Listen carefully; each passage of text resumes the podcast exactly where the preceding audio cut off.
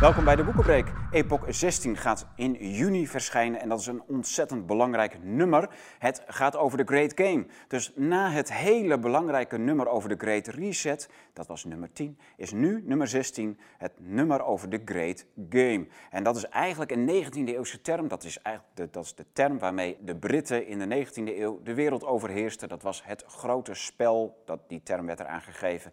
En dat is eigenlijk nooit opgehouden. De Amerikanen hebben dat overgenomen in de 20e eeuw. En in de 20e eeuw hebben dus Engeland en Amerika de handen ineen geslagen om de wereld te overheersen tegen Rusland, tegen Duitsland, tegen nu ook vooral China.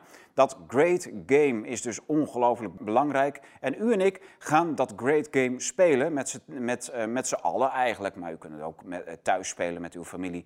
Ehm, die cover van de Great Game is beschikbaar, de inhoud nog niet. Maar die, eh, ja, die cover belooft natuurlijk een spel. En we hopen ook dat dat uit gaat komen, dat spel, een soort risk. Maar dan eh, vanuit eh, geopolitiek oogpunt beschouwd. Dus niet legertje tegen legertje, maar echt een leuk spel. Dat gaan we met, u, met elkaar spelen. Ondertussen is dat nummer 16 dus ontzettend belangrijk. Is echt een fundamenteel nummer aan het worden... waarin wij de hele geopolitieke constellatie... Dus de geest achter de huidige machtsstructuren en de huidige conflicten gaan ontwaren voor u en eh, beschrijven in hapklare brokken wat dat allemaal betekent voor uw en ons leven. En een voorproefje daarvan is deze ene zin. Europa gaat eraan ten onder. Wij zijn het kind van de rekening. En dat is de analyse van heel veel auteurs die hieraan meewerken. En daarom is het ook zo belangrijk dat we dat allemaal lezen, dat we weten wat de agenda is in geopolitiek opzicht. En eh, dat, eh, ja, dat wij, Amerika heeft een eigen agenda, die zal er bovenop kruipen. China is eh, booming en gaat er zeker niet op terugboeren. En Rusland vangt de klappen op. Maar wij in Europa gaan heel, hele harde klappen opvangen. En het is goed om te weten wat ons te wachten staat in dit, in dit, in dit ja, eigentijdse, dit 21ste eeuwse Great Game. Vandaar Epoch nummer 16. Van harte aanbevolen. U kunt hem al pre-orderen op de website. De link kunt u eh, beneden hier onder het filmpje vinden. En dus van harte aanbevolen om dat alvast te doen. U kunt zich natuurlijk ook gewoon abonneren. Dan begint u bij Epoch 15 en dan komt nummer 16 ook op de mat wanneer die uitkomt. Bij u automatisch. Als u zich abonneert, dan krijgt u niet alleen Epoch 15 over het kwaad, maar ook een gratis boek. En wel het boek van Ulrich Mies. Een echt een schitterend boek. Door heel veel lezers bewonderd. En ik, we krijgen veel mailtjes terug met dit is echt een ontzettend goed boek. Een van de beste boeken uit jullie fonds. Ulrich Mies redigeerde dit boek. En het heet Brave New World 2030. Gewoon in Nederlands. We hebben het vertaald uit het Duits. Ook net verschenen. Dus abonneer je op Epoch. U krijgt Epoch nummer 15 met Brave New World 2030. En nummer 16, The Great Game, natuurlijk in juni, wanneer het uitkomt.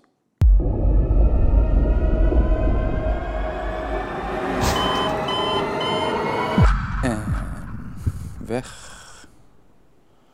Oh, nog één weg. Hmm. Oh, deze is wel belangrijk. En weg. Oké. We zijn weer leeg. Eh. hey, Tom. Tom. Kom. Wat? Volgens mij moeten we beginnen, joh. Het is vrijdagmiddagborrel. Eh, we liggen nog niet te slapen, hè? Nou, Dat, eh, wat, wat is het dan? ik heb mijn glas leeg, dus eh, ik stel voor dat we, dat we er nog lekker heen doen. Oh, oké. Mijn. Toch? Ja, dat is een goed wijntje, hè? Ja, ja. Wat doen we dan? Eh, ja, de, ik heb iets... eh, Oh man, ik lag lekker te slapen. Hoe lang heb ik geslapen? geen idee, ik was even druk. eh, ik had Welke dag wat, is eh, het? Vrijdag, hè? Vrijdagmiddagborrel. Wel, hoeveel, hoeveel vrijdag? Goeie vraag. Toch begin mei of zo? Ja, ja, nee, eind. Eind mei. Eind mei. Ik, ik, ik denk dat je langer hebt geslapen Menno, als dat je denkt. Eind mei, echt waar? Ja, maar we hebben natuurlijk een stukje gemist, hè, de afgelopen... Ben ik vier, heb ik vier weken geslapen? Bijna wel, ja, dat, eh, ja, Wacht even, moet ik even van bijkomen. ja, Ja, in de tussentijd heb ik wel wat gedaan links en rechts. Maar Jij dat wel. vloog ook voorbij, echt. eh. dat, eh, proost. Ja, Ja. sorry, sorry. Ja. Ja. Ehm, draait hij al? Oké. Oké. Nou, eh, we, gaan opnemen, toch? Ja, Ja. ja, ja, Ja, dat gaan we doen. Ja, ehm, ja eh, welkom bij Blue Tiger Studio in Groningen. Mijn naam is Tom Zwitser en vandaag aan tafel zit Menno de Kruif. ja. Ja, ja, ook zeker, ja. En eh, aan de bar. jij hebt dus mij vervangen in de tijd dat ik lag te pitten. Nou ja, jouw vervangen is eigenlijk onmogelijk. Maar ik heb eh, geprobeerd om toch links en rechts wat dingen te doen, inderdaad. Ja, En- dus dat is echt gebeurd. Moet ik nog even terugkijken. Ja, ja, ik zou echt eens op ons kanaal kijken, want er, eh, daar staan nog wat dingen op. En ook wel eh, belangrijke dingen op zich nog wel. Mensen, Menno de Kruif. eh, ja, ik lag lekker te pitten, vier weken lang. Vakantie, operaties, herstel. En ik heb gewoon echt helemaal niks gedaan. Menno de Kruif heeft dus eh, u voorzien van eh, allerlei leuke video's. En eh, ja, daar zitten we dus nu mee aan tafel. Op de vrijdagmiddag, eind mei. Geen idee wat ik allemaal heb gedaan en gemist. Maar het is eind mei. We gaan het vandaag hebben over... eh weer Davos? Was vorig jaar toch ook al? Eh, ja, volgens mij wel. Ja, ja. Oké, we gaan het hebben over Davos, WEF. Ehm, ja, World Economic Forum. Ja. Apenpokken, bananen liggen klaar. Over... en de NCTV. Oh, echt waar? ja, dat vind ik ook een interessante. Oh, we gaan het over de Ja. NCTV hebben. Ja. Is ook zo, joh. Oh ja. Ja. Ik heb eh, een advocaat gevonden. En die gaat eindelijk de NCTV... Echt, hoeveel advocaten heb ik wel niet gezocht om die klote NCTV aan te pakken? Die dus eh, in dat eh, rapport ons heeft genoemd als eh, nou ja, terreurdreigingen. Want Ja, dat was de terror terrorisme monitor. En in een terrorisme monitor worden mensen of anderen genoemd, dreigingen genoemd, in verband met terrorisme.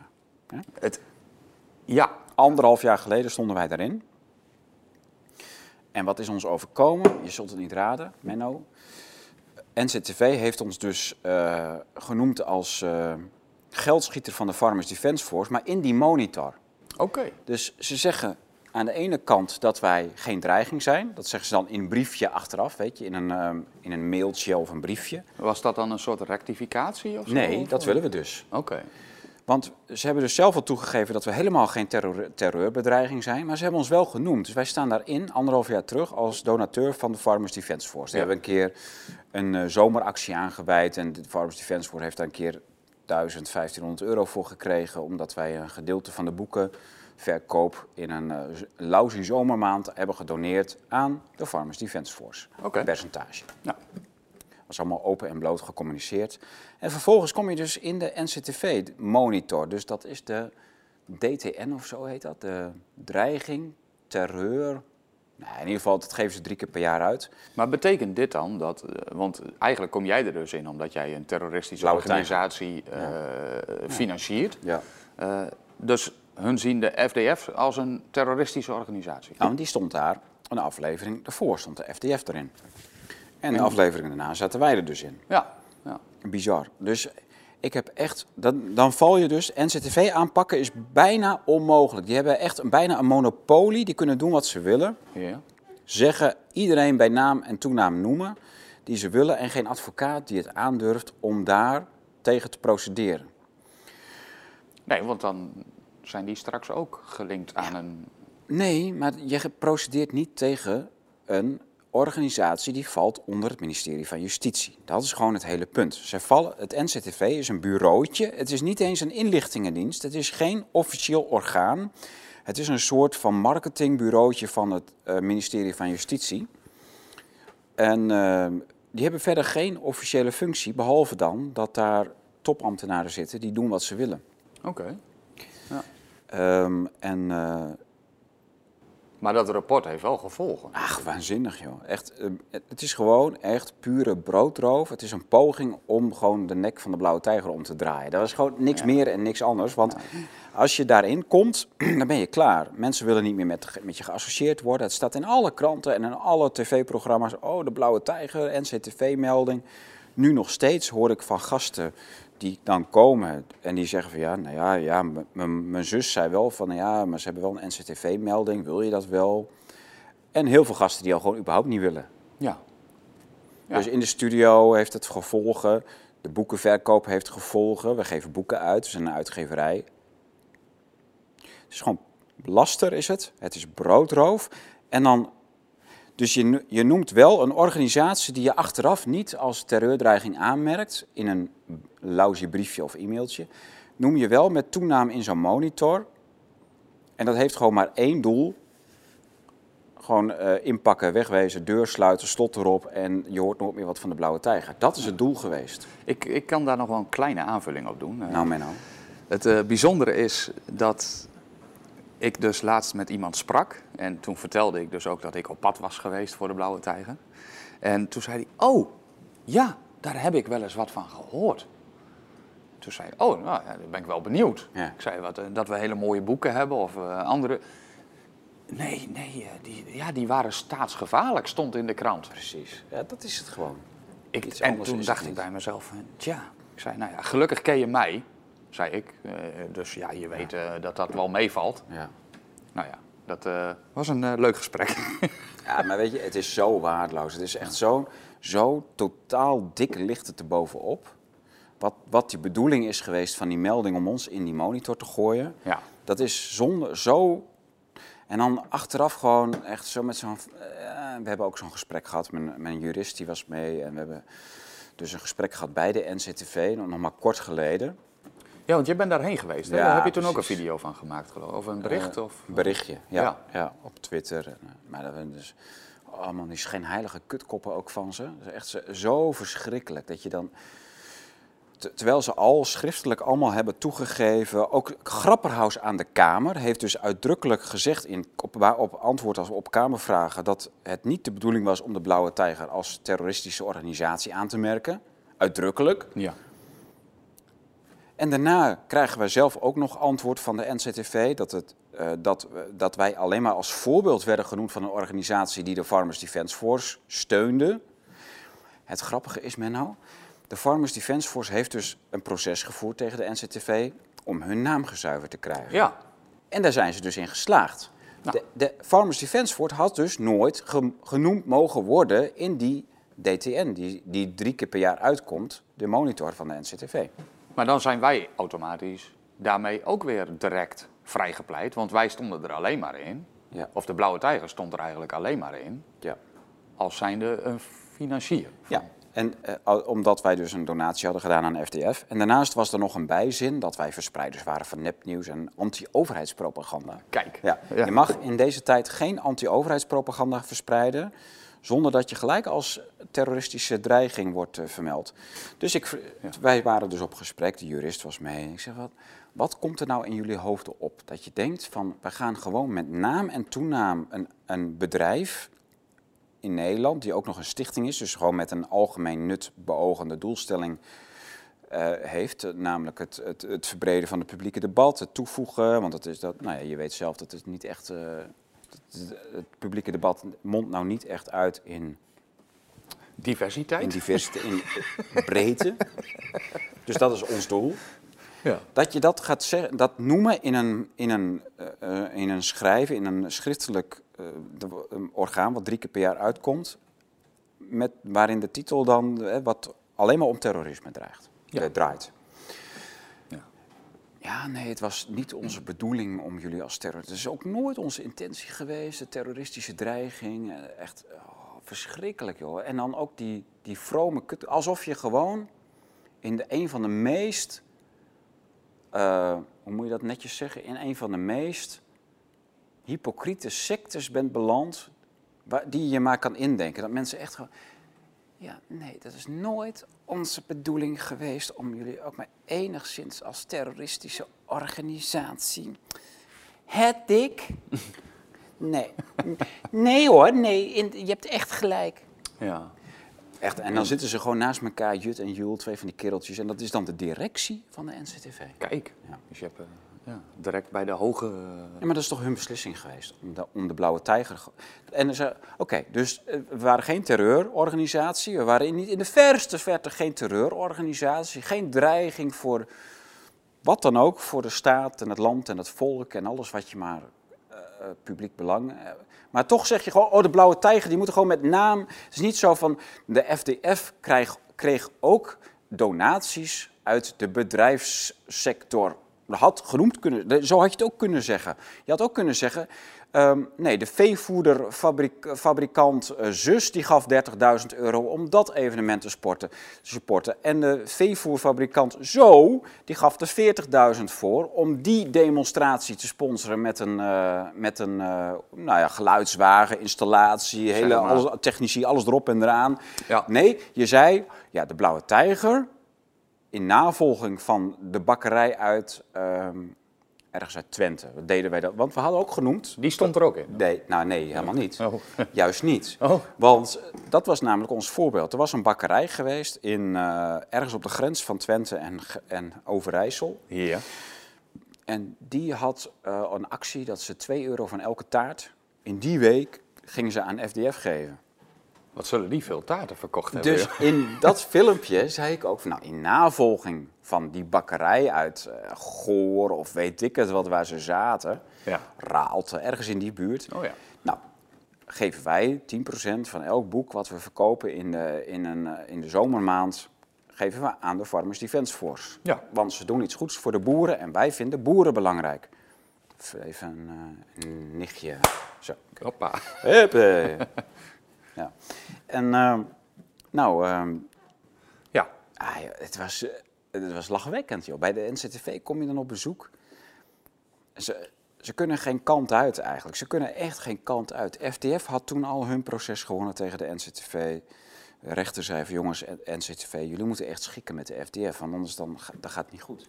Maar eh, wat bezielt die mensen dan om ook de FDF, zeg maar, als een Weet je, het kan ze geen ruk schelen, want je hebt een landsadvocaat, als NCTV zijn, hè, je hebt een landsadvocaat, je kunt honderd zaken verliezen. Maakt ze geen ruk uit. Snap ik. Want de landsadvocaat doet al je zaken, de Belastingdienst betaalt die zaken.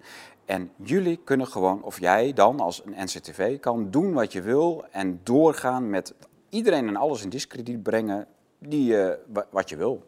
En ook al word je daarna in de rechtbank of niet word je gewoon in het, uh, in het ongelijk gesteld. Ja. Dat maakt echt geen fuck uit. Maakt hun geen fuck uit.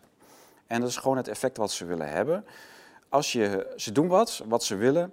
En als je het als burger of bedrijfje, MKB'er of als stichting of wat dan ook het er niet mee eens bent, dan heb maar de ballen om naar de rechter te gaan. Vind überhaupt maar eens een advocaat om het aan te vechten. Daar hebben we al anderhalf jaar over gedaan. Ja. En nu hebben we dan een advocaat die dat doet.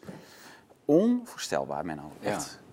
Nou ja, ik denk uh, dat, dat het ook gewoon, dat we er heel erg naar uitkijken. Ja. Ook, en, dan, en maar dan komt Rutte in de Kamer naar aanleiding van uh, zijn sms'jes die hij gewist had. Oh, ja, dat doe ik ook regelmatig. En dan heeft hij gewoon de, het gore lef, de gore, vieze brutaliteit... Ja. om gewoon zo'n Caroline van de Plas van de BBB... Uh, in, uh, om tegen de haren in te strijken en te zeggen van ja, maar elke keer als wij van de ministerraad uh, in de Kamer komen, dan ontmoeten wij een sfeer van wantrouwen en van twijfel. En ja, dat is toch wel het allerergste wat, wat ik, wat je, dat is echt een aanslag op de democratie. Ik hoop dat hij nou eindelijk zijn woord houdt. Want hij zei ook, als er geen vertrouwen meer is, dan ga ik wel wat anders doen. Maar dat, nou, is, dat is gewoon een kind wat, wat drampt tegen zijn moeder. En, en, en, ja. Maar het is, nee, het is nog veel erger. Het is gewoon, als zij aangevallen worden, deze hele kliek, hè, Hugo de Jonge, dus CDA, VVD met Mark Rutte en de hele kliek daaromheen, als ze aangevallen worden, dan gaan ze in de vlucht naar voren, dan gaan ze in de tegenaanval. Dat is hun, eh, dat is hun strategie. En ze hebben het zo goed voor elkaar dat ze eigenlijk nooit, maar dan ook nooit nadeel ondervinden van wat ze doen. Dus ze treden af vanwege die toeslagenaffaire, Rutte 3.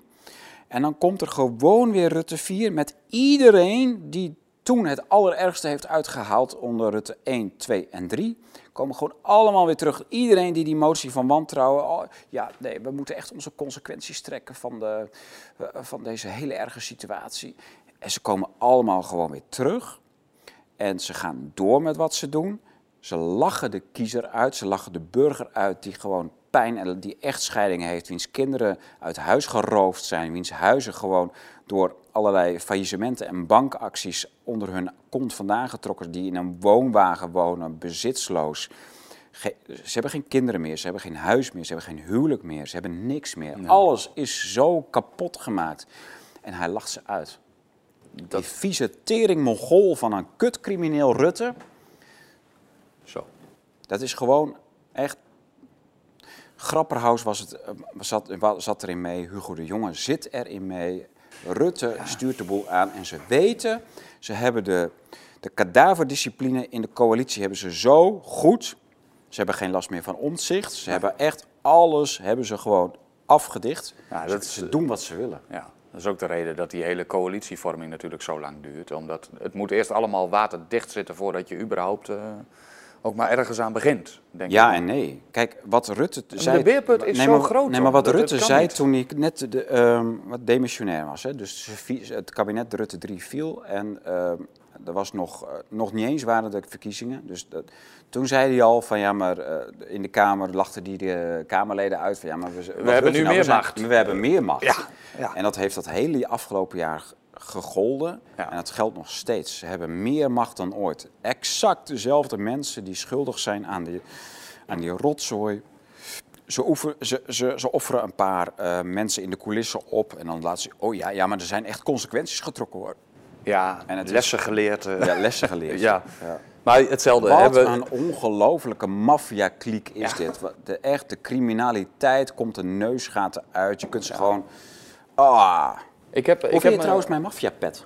Heb ik op, Ja? op Sicilië gekocht. Hij is leuk, hè? Ik eh, vind hem, eh, inderdaad, ik vind hem eh, erg leuk. Mijn vrouw moest wel heel hard lachen. toen Ja, ik had hetzelfde reactie een beetje Ja, inderdaad. Ja, maar ik vind hem, ja, het, het, het past wel bij je. Ja, Oké. Even, even een luchtig dingetje. Anders dan draai ik door. Dan word ik nog opgepakt. Over luchtig gesproken, ik hoor jou altijd zeggen dat je hier lekkere sigaren hebt. Dus eh, ja. Zullen we eens kijken wat eh ome Tom nog in zijn doosje heeft?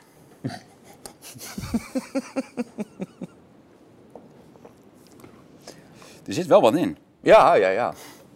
Ah, lekker. Eh, Lekker is dat, hè? Ja, hij is eigenlijk te droog. Hij moet... eh, kijk, hij is... eh, de kist is niet echt goed geklimatiseerd. Ai.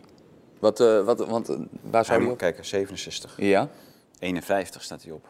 Dus ja dat is het batterijpercentage, denk ik. Nee, hij kruimelt echt eh, onder je. Heerlijk man. Oh. Ja, ik heb er wel zin in, hoor. Ja, hè? Ja. Weet je, je hebt eerst de keus. Ja, ik ga gewoon lekker voor een. eh, die. eh, vind ik, olifantje. eh, ja, een olifantje. Olifantje. Die, eh, vind ik fijn. Ja. Moet ik die er ook even bij ja. hebben? Hebben we ook een aansteker of niet? Ja, die heb ik wel. Heb jij? Ja, ja, ja, ja, dat moet lukken. Dat moet lukken. Weet je wat? Ik ben. Eh, ik, we zitten trouwens eh, Hongaarse Riesling op te zuipen. Oh, Uit eh Badajon, zoiets. Ja.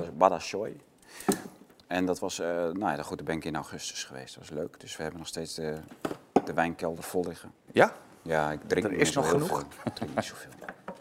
En ik rook ook niet zoveel. Nee. Maar ik zit nou toch wel eh, Te twijfelen te eigenlijk. twijfelen. Ja, Ja, eigenlijk moeten we met een houtje aansteken. ja hier, Zo ceder, hoort cederhout. eh. Oh, kijk. Zullen we dat gewoon doen? Ja, dat gaan we doen. helemaal Is goed. Is goed, is goed. Dan, eh, ik weet niet hoe het we. Ja, je moet hem breken als het goed is, hè? Een stripje. Stripje, oké. Nou, Dat is, ik ben helemaal geen expert, maar eh, ik doe ook maar wat af en ja. toe. Ja, ja, ja. Iets dikker. Zo. Oh, jij gaat echt voor een... Dit, dit zijn wel hele lekkere. Ja, dat... Jij bent, echt, jij, jij bent meer een sigarettenman. ja, ja, klopt. En ik ben dus echt eh, gewend om te roken, zeg maar. En de- deze sigaar die moet je lekker laten branden en, en proeven. Ja. En bij mij is dat... eh, Dat doe je alleen bij oud en nieuw. ja, Zoiets. ja, klopt. Dat is ook goed. Maar volgens mij... Kijk. Ja. Dus uit, eh, uit voorzorg steken we even een sigaar aan, want anders dan ben ik morgen opgepakt omdat, het, omdat ik de premier beledig en allerlei andere onzin. Beledigen mag natuurlijk alleen maar één kant op. Kijk, volgens mij is dat de Oh, bedoeling. goed, man. Oh, dit is wel lekker hoor. Lukt dat? Ik kraam het een beetje. Brand je vingers niet, Tom. Zo. Nou, gaat ie hoor. Beetje boven de vlam houden. Oeh, dan werd hij heet. Heb je ook een gewone aansteker? Ik heb eh, die... Je hebt een Zippo, die is ook goed. Ja. Beetje erboven houden, dan is hij het heetst. Kijk, nou gaat hij. Oeh, daar komt hij. Ah, Volgens mij zit er fik erin. Ja, bijna. Beetje half.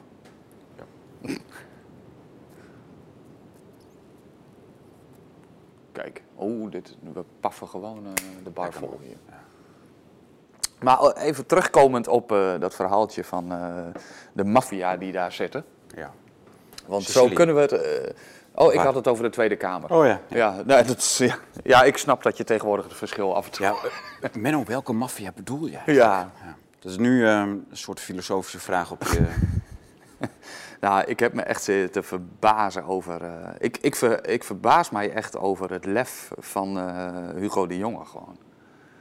Die, Ja. die dus gewoon de afgelopen twee jaar. ze eh, vorderen nu gewoon je huis. En dan zetten ze de Oekraïense vluchtelingen. nou, dat in. al. Hè, daar hebben we ook een itempje over gemaakt. Over het MKB-pand van Assen. Wat Ja. dus gewoon. Huppatee, gooi alle MKB eruit Ja. en zet er... eh, En nu dus dat er verplicht ruimte gemaakt moet worden door gemeentes om, om vluchtelingen te vestigen.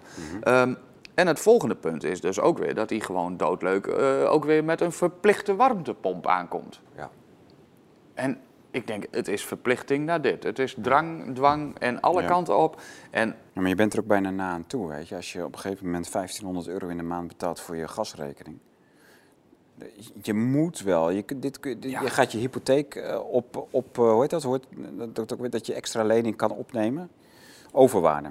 je overwaarde opnemen, ja. Mensen gaan dat en masse doen, dat weet ik zeker. Want niemand gaat 1500 euro in de maand aan gas, water, licht betalen. Dat, dat- Niemand kan dit. Nee.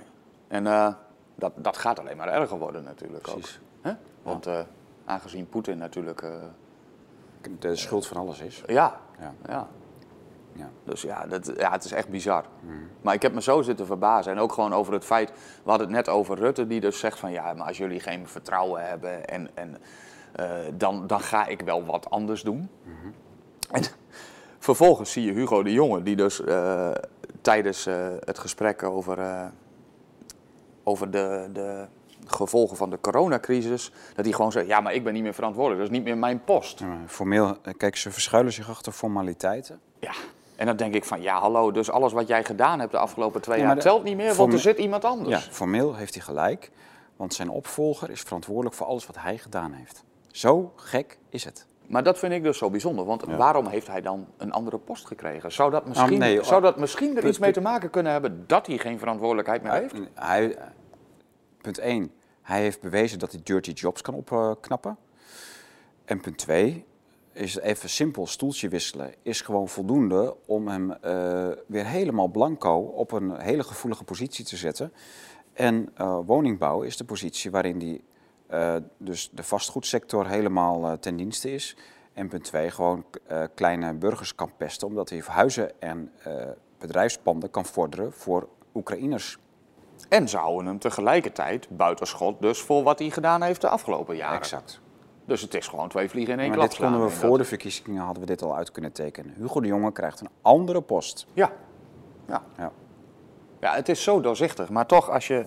En het bijzondere vind ik ook nog, hè, dat even daar, daarbij komt, dus met welke verdiensten is hij op deze post terechtgekomen? Want eh, ja, kijk, jongen als, als, eh, als gelauwerde schoolmeester. Als, als, als eh, Ja. eh, cum laude afgestudeerde PABO-student. ja, Ja, nee, eh, eh, eh, Menno, je kunt veel op hem af aanmerken, maar de, geef hem wel de credits. Hè, Ja. dit, dit, dit kunnen jij en ik niet. Nee, Dit, dit nee. is, dit is, Klopt. eh, Daarom zit ik ook hier. Maar, maar het is een enorme... Het is een, het is een groot leider. Het is een, een groot denker ook. Ik bedoel, ik heb zijn hele bibliotheek in de kast staan. En ik mag heel graag s'avonds met een sigaartje uit de werken van Hugo de Jonge lezen. ja. En ook heel graag citeren. Oké. Jij hebt ook zeker die foto's die hij heeft laten maken. Die heb jij ook ingelijst hangen. Ingelijst en al. Ja, ja, ja, ja. Die waren mooi hoor. Heb je hem gezien op die trap? Als een, ja, het was echt een, eh, een staatsman. Ja, Eh, ja, nou ja, een groot leider. Ja. Onze grote leider was het. Ja. Ja. Ja, iemand eh, ja, die nog niet helemaal zeker is over zijn eigen gender, maar het is wel een. ook, ook daarin is hij eigenlijk echt, kun je eigenlijk wel zien dat hij echt in, gewoon in, de, in het centrum van deze tijdgeest past ook. Hè. Het is echt Absoluut. ja. ja. Maar ja, aangezien gender toch volledig fluïde is, Ja, nee, maar eh, dan hoef je ook niet meer zeker te zijn natuurlijk. Hè? Dat Ja. scheelt ook weer. Dat, Ja. eh, minister, minister Bloemschoen, eh, het, nee, nee, Menno. Tuurlijk, we hebben het hier gehad over, over zijn mindere kant, maar zijn, de grootsheid, de persoonlijkheid, het karakter van meneer Hugo de Jonge. En bovendien zijn grote literaire stijl. Ik, echt, ik, ik, ik lees het zo, zo ontzettend graag. ja. Ja. Nee, dat, eh, ja, ik, ik kan niks anders dan met je instemmen. Ik, eh, het is een genot. Het is echt een genot. Ja. Eh, schenken we nog een beetje in? Of? Ben je er alweer doorheen, jongen? Ja, het smaakt me echt goed, moet ik zeggen, Tom. Dat, Want we hebben het natuurlijk. ehm, we hebben een hele kleine. ehm, ja, ja, hoe zeg je dat eigenlijk? Een soort persiflage op, de, op eh, Mark Rutte gegeven. Maar ook Mark Rutte. eh, lof zij zijn naam. Gezegend zij zijn werken. en eh, ik kus zijn hand. Mocht hij die ooit in genadevolle positie naar mijn nederige persoon uitstrekken, dan de, de ring van zijn ambt, minister-president, ik zal het echt. Lof zij u, Mark Rutte. We brengen een toast op uit, eh, op de autoriteit van deze, onze geweldige leider. De visionaire leider van ons. eh, eh, Wat, eh, heeft hij niet ooit de woorden gesproken van eh, dat, eh, dat hij juist geen visie had? Dat dat eh, de kracht was? Dat er geen visie was? Visie is ook echt iets heel erg. eh, dat, dat, zou, dat kan, nu je dat zegt, ik kan me er heel goed bij, bij voorstellen wat, deze, wat onze grote leider daarbij in gedachten had. Mijn bibliotheek is helaas te klein om de volledige werken van Mark Rutte aan te schaffen. Dus ik heb het bij de werken van Hugo de Jonge gelaten en de werken van Mark Rutte. Ik werk me echt een slag in de ronde, Menno, om ooit een huis te kunnen betalen van zo'n omvang dat het de, de, de, de prachtige werken, de, de volledige bibliotheek, de verzamelde werken van Mark Rutte kan bevatten in één kast. Ik schat zo in dat het een galerij van ongeveer 40 meter diepte is, met een kasthoogte van 2,80 meter op de klassieke hoogte. En zodat het de gezamenlijke verzamelde werken ehm, van, ehm, van onze grote leider kan bevatten. En de rest van mijn dagen, wanneer ik dat heb, de rest van mijn dagen zal ik doorbrengen in stilte, lezende in deze grootwekkende, ontzagwekkende materie van, van ja, Daarnaast, de, de, de grootste mens, daarnaast zet je, hoop ik wel, eh, ook... eh, de grootste do- mens ooit. Ja, maar eh, ik vind wel dat we een beetje vergeten hè, de werken van Kaag natuurlijk. En ook de documentaires die gemaakt zijn. Dit zijn ook allemaal, dit zijn echt klassiekers die iedereen zou moeten hebben. Maar dat is, dat is voor in de werkplaats. eh Menno. Ja. Ik, ik, ben me niet op, ik, weet niet, ik ben niet op de hoogte van de werken van Kaag, maar ik heb wel in, onze, in onze werkplaats, die in het, zich in het magazijn bevindt, heb ik een serie zagen. En dat, heet, dat is gewoon de zaag van Kaag. dus eh, van maatje 1 tot en met 11. Ja, En eh, nee, dat, eh, ja nee, dat... die, die staan daar. En die- niet voor niks ook, hè? ja, ja? Nee, die, die zagen echt dag in dag uit. Ja, Ja. ja. Feilloos, hè? Feilloos. Ja. Ja. Nou, goed. Mhm. Ehm, Dus wij slachten hier wat, heel wat af hier. ja, lekker man, die sigaar. ja, dit is wel even lekker, hè? Gewoon. Ja. We hadden het eh, natuurlijk eh, over de NCTV. Zo Echt? kwamen we hier ook Oh ja. eh, natuurlijk. Maar, dus je hebt eindelijk een advocaat gevonden die die zaak gaat doen. Mhm. Nou ja, het kan eigenlijk niet anders dan slagen natuurlijk. Het is, het is één proces van één lange intimidatieproces geweest. Het is ook onze jurist die nu dus nou ja, toch wel wat op het spel zet om de NCTV aan te vechten. Het is één grote intimidatieshow. Want we hebben dus niet alleen maar een bestuursrechtelijk proces lopen, we hebben ook strafrechtelijk iets in gang gezet. We hebben aangifte gedaan tegen de NCTV. Omdat er sprake is van laster, smaad en, eh, broodroof. Hm. En dat hebben we dan in de juiste juridische wording eh, gegoten, omdat ze, met name broodroof is niet eh, een juridisch, maar het is natuurlijk wel een feit. Ze hebben, het is, het was echt een poging om de blauwe tijger kal te stellen. ja. Dus daar hebben we een aangifte tegen gedaan. En die, dat heb, heb ik niet gedaan, de jurist heeft dat voor ons gedaan. En die kwam dus op het politiebureau en die, werd- die, zei, die werd gewoon gezegd. eh, die heeft anderhalf uur in de wachtkamer gezeten en de agent die zijn aangifte zou opnemen, die heeft echt anderhalf uur lang getelefoneerd door het hele land heen. En na afloop kwam hij terug en die zei tegen onze ju- jurist: eh, Weet u wel welke consequenties dit voor u in de toekomst kan hebben? Dat is een bijzondere uitspraak. is toch bizar? Dit, dit is een, ja, ja. Echt waar. Dus eh, er wordt je letterlijk gevraagd, weet je zeker dat je dit wilt doen? Want anders, terwijl je gewoon probeert je recht te halen via een, een legale weg. Ja. Nou ja. En dan, maar dan weet je dus ook, wat ik al eigenlijk al wist, maar waarom die andere juristen die, of advocaten die wij gepolst hebben en die de zaak bekeken hebben en die uiteindelijk na twee weken zeiden van nee, we gaan dat niet doen. We, zien hier en daar geen aanknopingspunten om, om dit in de rechtszaal voor elkaar te breien.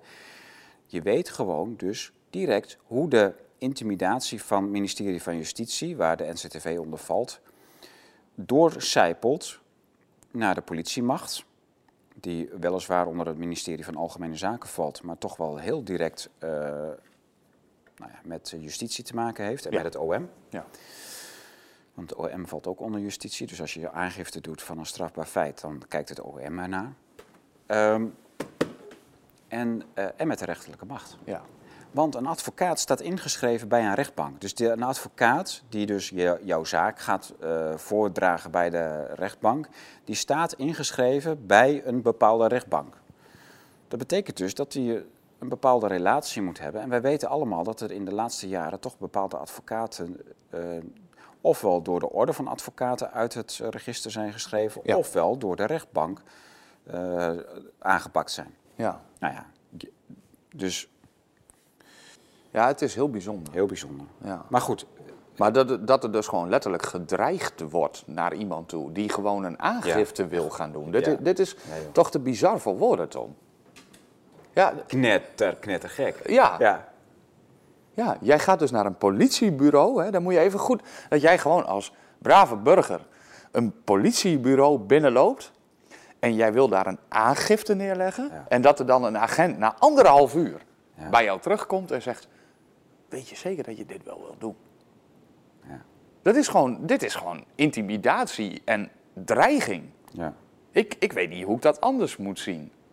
Het kan ook zijn dat die agent gewoon eerlijk was. En dat hij, dat hij tegen, de, eh, tegen onze advocaat zei. of iets liet doorschemeren van geluiden die hij bij het OM Ja, had opgevangen. ja nee, eerlijk. Maar dat, dat eh, OM, hè, die Gerrit van den Burg, dat is het hoofd van het OM, die zit in Den Haag. Ja, Gerrit van den Burg, de topambtenaar. Het is echt. Het is zo ongelooflijk rot, joh. Waarschijnlijk, waarschijnlijk gaat die strafaangifte of die eh, aangifte van een strafbaar feit gaat nooit in behandeling genomen worden tegen de NCTV. ja en Maar dan heb je dus het, het OM valt onder het ministerie van Justitie en de NCTV valt onder het ministerie Ja. van Justitie. Ja, de slager die zijn eigen vlees keurt. Maar de Dus rechters, is, eh, de rechterlijke macht is zogenaamd onafhankelijk. Maar die valt natuurlijk ook uiteindelijk onder iets, weet je, want eh, Grapperhaus benoemt rechters. Ja, En uiteindelijk de koning, want elke rechter wordt bij koninklijk besluit benoemd. klopt. Ja. Maar die wordt voorgedragen door, eh, door de minister. Ja. En de koning zet daar zijn handtekening eronder. Dus het is allemaal, joh, het is zo'n intiltkliek. Ja, maar, ja. Gezegend zij hun naam. ja, nee, eh, inderdaad. Eh, ik zal het portret straks weer afstoffen. Maar, Het, eh, Ja. ja, ik, ik, kan hier, ik kan af en toe bij dit soort dingen kan ik echt met mijn verstand gewoon niet bij. Dat ik denk van het is zo. een bananenrepubliek van je welste, joh. Echt, eh, Gelukkig eh, krijgen we er Ja. ook nog apenpokken bij, dus dat, het past allemaal wel perfect in elkaar. Het, ja. ja. Moeten we daar verder nog aan mee? Nee, we hebben, we hebben de adventskrans eigenlijk op midden, midden in de zomer aangestoken. Dat vind ik wel grappig. Maar, Ja. Ja, dat, het is natuurlijk iets leuks op de bar. Hm. Ja, maar die kaarsjes die branden natuurlijk voor eh, Sigrid Kaag. Eh, God hebben haar ziel. Nog niet. voor eh, Mark Rutte, voor Hugo de Jonge en voor... Kajsa Olongren? Die heeft ook weer een prachtige speech gegeven trouwens. Voor- oh, voor Klaus Schwab. Dat is goed. Ja, Ka- kaarsje voor Klaus Schwab. Ja, ja. Ja. Heb, je, heb je het nog eh, een beetje gevolgd of niet? Nee joh, nee man. Nee, ik krijg allemaal hartaanvallen en zo. Mijn gezondheid is zeer broogs, Hm. zoals eh, sommige volgers al opgemerkt hebben. Ja. En eh, ik vind het allemaal wel, wel, best zo. ja. Ik wil nog graag mijn glaasje wijn en drie keer per jaar een sigaar kunnen roken, Menno. En al die... nee, ik vind het echt gewoon te slecht voor... Je kunt er gewoon niet meer naar luisteren met goed fatsoen. ja. Dus ik, laat, ik, ik laat eh, het erbij. Maar als jij... eh, zei ze nog iets leuks?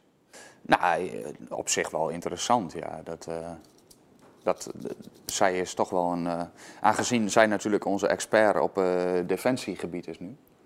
Ja, ze had een scriptie geschreven op, toen ze 16 was over de NAVO. Dus zij is echt... Ja, en ik, ik geloof, was er niet iets in de trend van dat ze een boekje had ontvangen... en dat ze dat goed door zou lezen om te begrijpen hoe het werkte? Of, Nee, of- omdat ze het verschil niet wist tussen een sergeant en een kolonel. ja. Dus daar had ze een boekje voor gekregen. Maar ze had zelf in haar eh, je- jeugdjaren had ze een gewichtige verslag geschreven over de NAVO. Dus ze wist echt wel wat het... eh, Ja, En terecht. ja, ja, absoluut.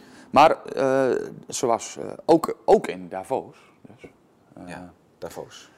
ja, ja, Davos. Oh, maakt een bruggetje. Oh, Menno, wat goed man. Je maakt een bruggetje. eh, nou ja, je hebt hem in de intro al gedaan, dus ik denk Ja. we moeten het er toch even over hebben. man. Ja. Ja. Ik heb eh, ten eerste natuurlijk eh, mijn persoonlijke verantwoordelijkheid genomen. Ik heb mijn kachel op 18 graden gezet. Goed zo.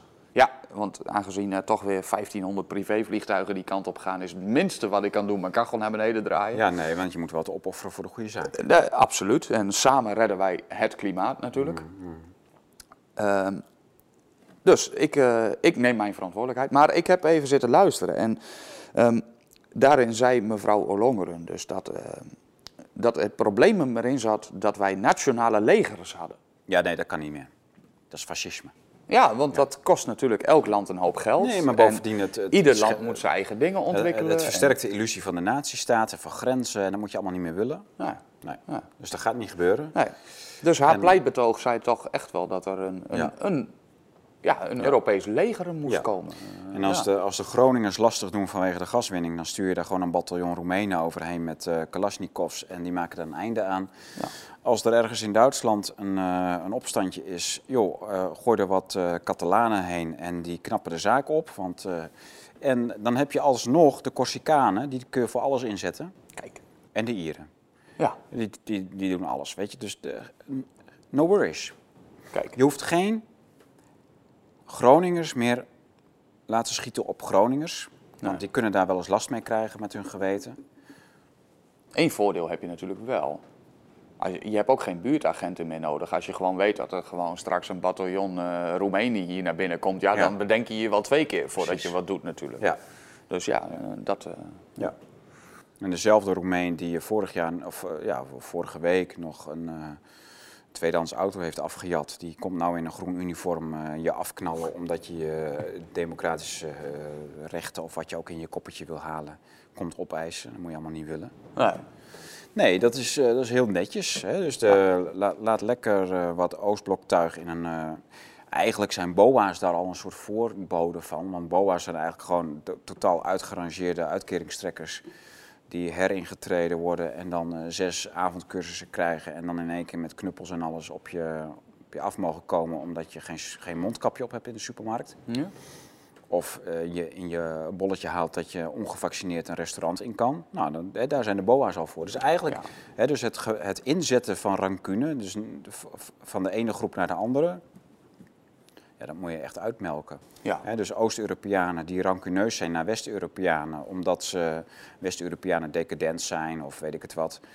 Eh, of ehm, Zuid-Europeanen die rancune hebben naar Noord-Europeanen, omdat de Noord-Europeanen hun he- hele economie betalen.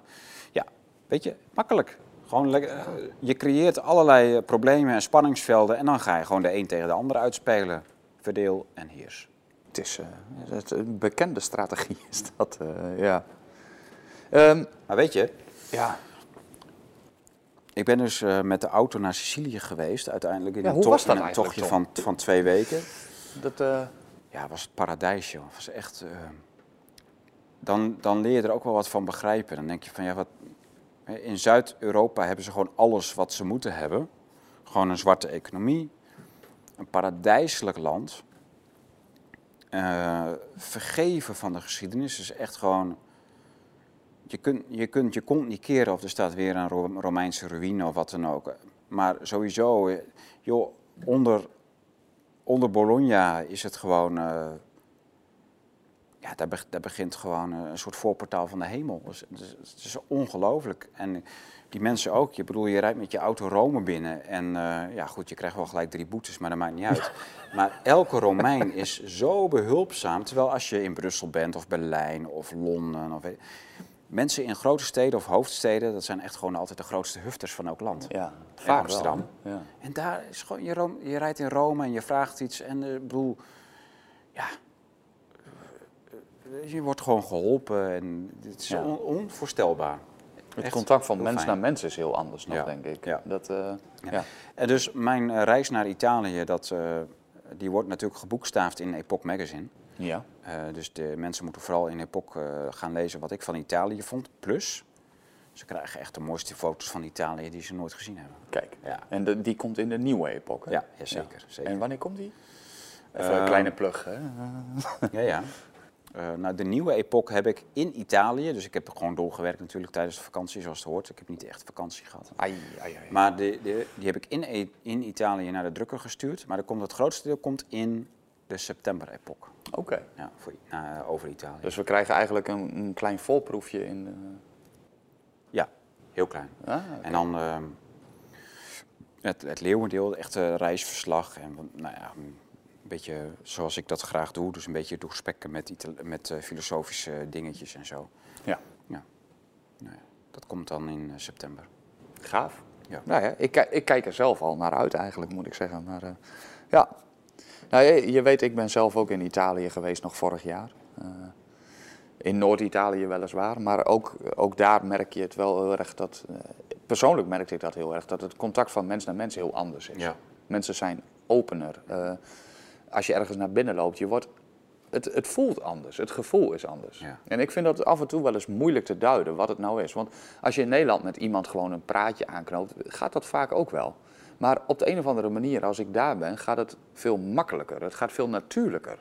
Hier moet ik altijd een drempel over om iemand zomaar aan te spreken of om- in gesprek te komen. Ja. En daar gebeurt het als vanzelf. En of dat te maken heeft met ja, eh, wat het is, eh, dat, dat kan ik moeilijk de vinger op leggen. Ja. maar. Ja. Ik weet niet hoe jij dat ervaart, maar... Nou ja. Ja, kijk.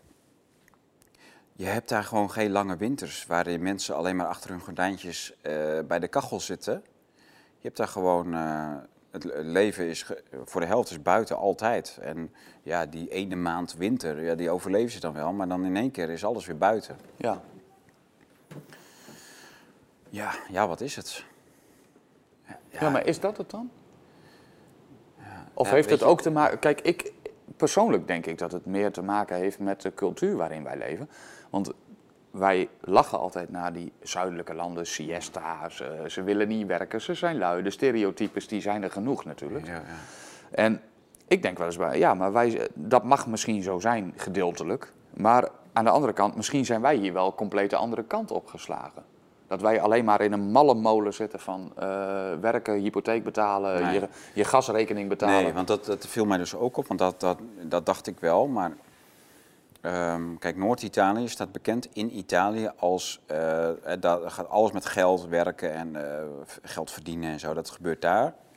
Maar kijk, ik, ben, ik hou van mooie dingen. Mhm. Dus ik, ja, goed, ik weet al jarenlang waar precies wat gemaakt wordt in Italië. Niet alleen qua kazen en wijnen en zo, en olijven, maar ook eh, qua, qua stoffen, de zijdecultuur die, daar- die je daar hebt en zo. En dat, Komt niet heel veel daarvan uit China ook? Nee. Want er schijnen toch best wel veel Chinezen daar te... ja, er zitten veel Chinezen, maar dat is meer mode en zo. Ja. Maar, maar de, ik, heb on, eh, ik, ik vond daar in Italië dat Italianen zijn heel actief. Ze zijn eh, heel direct en open, vriendelijk, behulpzaam. En het zijn makers en doeners. Ze zijn de hele dag bezig met maken en doen. En wij zijn alleen maar bezig met dienst verlenen. Ja. Wij- zijn alleen maar aan het praten. Terwijl voor hun is praten een bijzaak, een vanzelfsprekende bijzaak bij alles. Maar, maar ze zijn, die Italianen maken de hele dag. Ze maken mooie dingen, ze maken hele goede dingen. Ik heb, ik heb zijden gordijnen, de mooiste stoffen ter wereld die je maar kan indenken. Nog mooier, daar heb ik gewoon gordijnstoffen van. En dan, eh, en, en dan ook nog de, de rails en zo. Ik kwam erachter dat prachtige messing, koperen, wat dan ook. Totaal klassiek. Het komt allemaal uit Italië. Het is goed spul. En het is goedkoper dan wanneer je hier naar een gordijnenwinkel gaat en je koopt zo'n steriele rail. Ja, moet je niet naar een Leenbakker of Ikea, maar gewoon naar een gordijnenwinkel. En dan word je gewoon een of ander peperduur eh, railsysteem aangepraat. Maar het echte mooie spul, het goede spul, komt nog steeds allemaal uit Italië, niet uit Duitsland. Duits, de Duitsers kunnen wel mooie auto's maken en zo, maar de- eigenlijk werken die ook niet meer. Hoor. Die, er wordt niet veel meer gewerkt in Duitsland. Maar als je naar Italië gaat, er, wordt, er staan heel veel fabrieken, er, wordt heel, er, er komt grote machinebouw vandaan. Nou, er worden mooie auto's gebouwd, maar dat zijn dan ook een beetje gelijk eh, vlaggenschepen die dan, ja goed, die staan ook wel bekend om bepaalde gebreken. Maar de- heel veel werktuigbouw wordt in Italië gemaakt. Dus Italië en Duitsland is echt gewoon qua, qua, qua industrie, qua maken, qua doen, is het echt de as van Europa. En Ja, niet, niet Frankrijk, niet Nederland, niet Engeland. Nee, het is echt Duitsland, Ja, maar Italië. Nederland heeft daar ook nooit bekend om gestaan. hè? Nou, Dat dan heb je de Zwitserland ertussen, dat is gewoon, de, daar zitten de banken en Ja. Hup, daar zit alle geld. Ja. Maar de- Duitsland en Italië, daar wordt alles gedaan en gemaakt wat belangrijk is voor Europa. Ja. Ja. In Duitsland en Italië hebben ook heel veel met elkaar, wist je dat? Nee, dat wist ik. Ja, Ja. in zover. Ja. Nou ga ik misschien niet zeggen wat, maar is ook als je terugkijkt naar de oorlog, dan was dat ook natuurlijk een beetje de. Exact. Ja. Ja. Dus ik weet niet in Ja. hoeverre eh, dat ook verband houdt daarmee, maar. Nou ja, het is, er is een, eh, een hele lange oude band tussen eh, Duitsland en Italië. En waar komt die vandaan dan? Want dat is iets wat ik niet weet. Ik weet alleen dat het zo was. Maar... Ja. Ehm, ben je wel eens in Potsdam geweest? Mm, Nee. Ik, ik was daar dus met mijn gezin en ik dacht echt van, dit is Italië, joh. Dat is, dat is gewoon één op één Italië. Maar je hebt, kijk, je hebt natuurlijk in de middeleeuwen had je al het, eh, het, eh, het Heilige Roomse Rijk der Duitse natie. En dat was eigenlijk al de verbinding van eh, alles onder de Alpen versus alles boven de Alpen. Ja. Ja, die band is zo oud. Zo, zo verschrikkelijk oud. Kijk, de band tussen Nazi-Duitsland en Mussolini, dat is eigenlijk een toevalligheid geweest die de Amerikanen heel goed uitkwam. Oké. Maar waar is die band op gebaseerd dan? Want dat, dat is een beetje wat ik me Nou, afvraag. kijk, ze hebben een band misbruikt die er al eeuwen was. Kijk, Duitsland, Frankrijk, dat is, dat is heel veel haat en nijd geweest. Ja. Veel oorlog. ja, maar dat waren allebei grootmachten natuurlijk die... eh, ja. Ja, maar Duitsland, Italië, ehm, ja, die, die ligt echt al echt vroeg in de middeleeuwen. Er, kwa- er komen denkers uit die as. Weet je, het is een, het is een Noord-Zuidlijn in Europa. Ja. Dus de, dus dat, en, en die hebben zo'n enorme band met elkaar. Dus de, de, kwamen, de filosofen deelden al. Dat, het was de centrale as voor de, voor de middeleeuwse filosofie. Het was eh, de centrale as voor, eh, voor de Europese politiek. Ehm, eh, en nu nog steeds. Kijk, uiteindelijk hebben de Duitse toeristen na de Tweede Wereldoorlog... hebben de, hebben de Italiaanse toeristenplekken die we nu kennen... zoals Capri en heel veel andere... De, al die beroemde Italiaanse plekken die we, die we nu kennen... dat is allemaal door Duitse toeristen groot gemaakt. Oké. Dat was, dat was niks. Dat, was gewoon, dat waren echt totaal verarmde vissersplekjes, dorpjes. En dat is allemaal door die Duitse kuurtoeristen, zo- zoals Scheveningen ook. Koerhaus. Ja. Kijk, in, die Duitsers die kwamen naar, naar de Nederlandse Noordzeekust al rond 1900, dan al iets eerder. Die hebben de Nederlandse kust gelift. ja.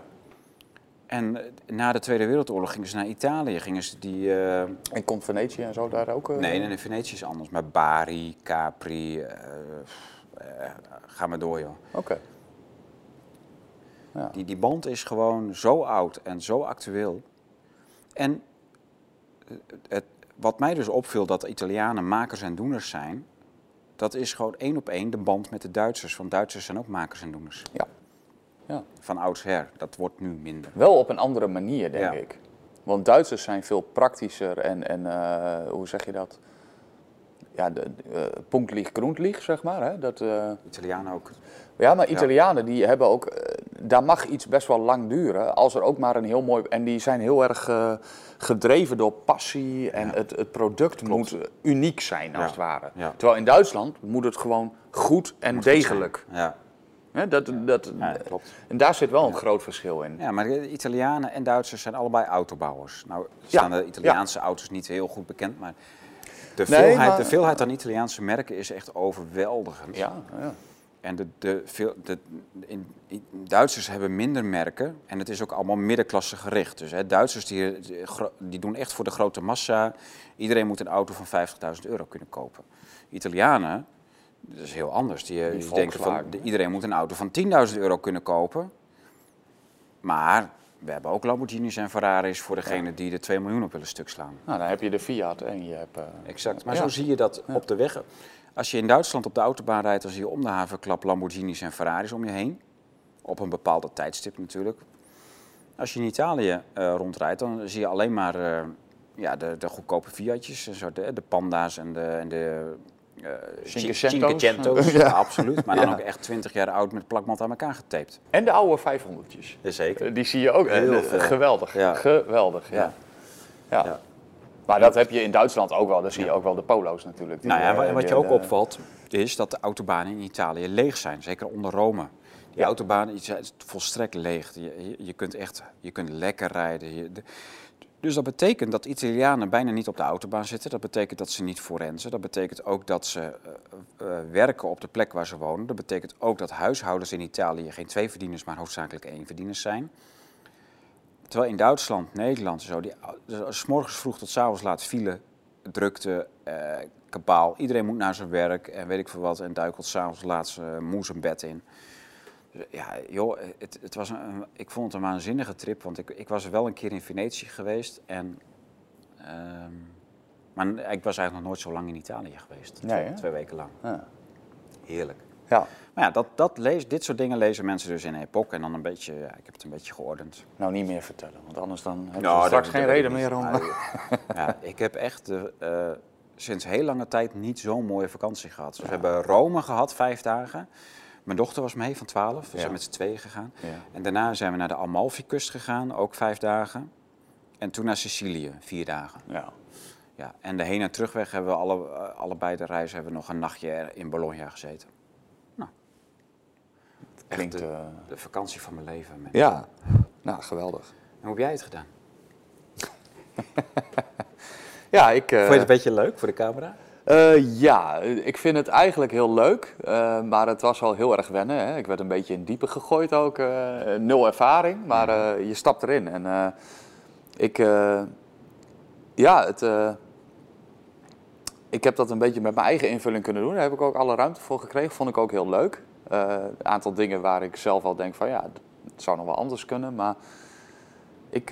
Ik vond het echt een goed begin, Menno. ja, Ja. ja. ik vond het een bijzondere ervaring eigenlijk. Ja. Ja, het was. eh, vaak als ik met mensen praat of zo, eh, ik, ik praat redelijk graag. Ja. En eh, nu is het eigenlijk, als ik achter die camera sta, is het meer mijn insteek om mensen te laten praten. Mhm.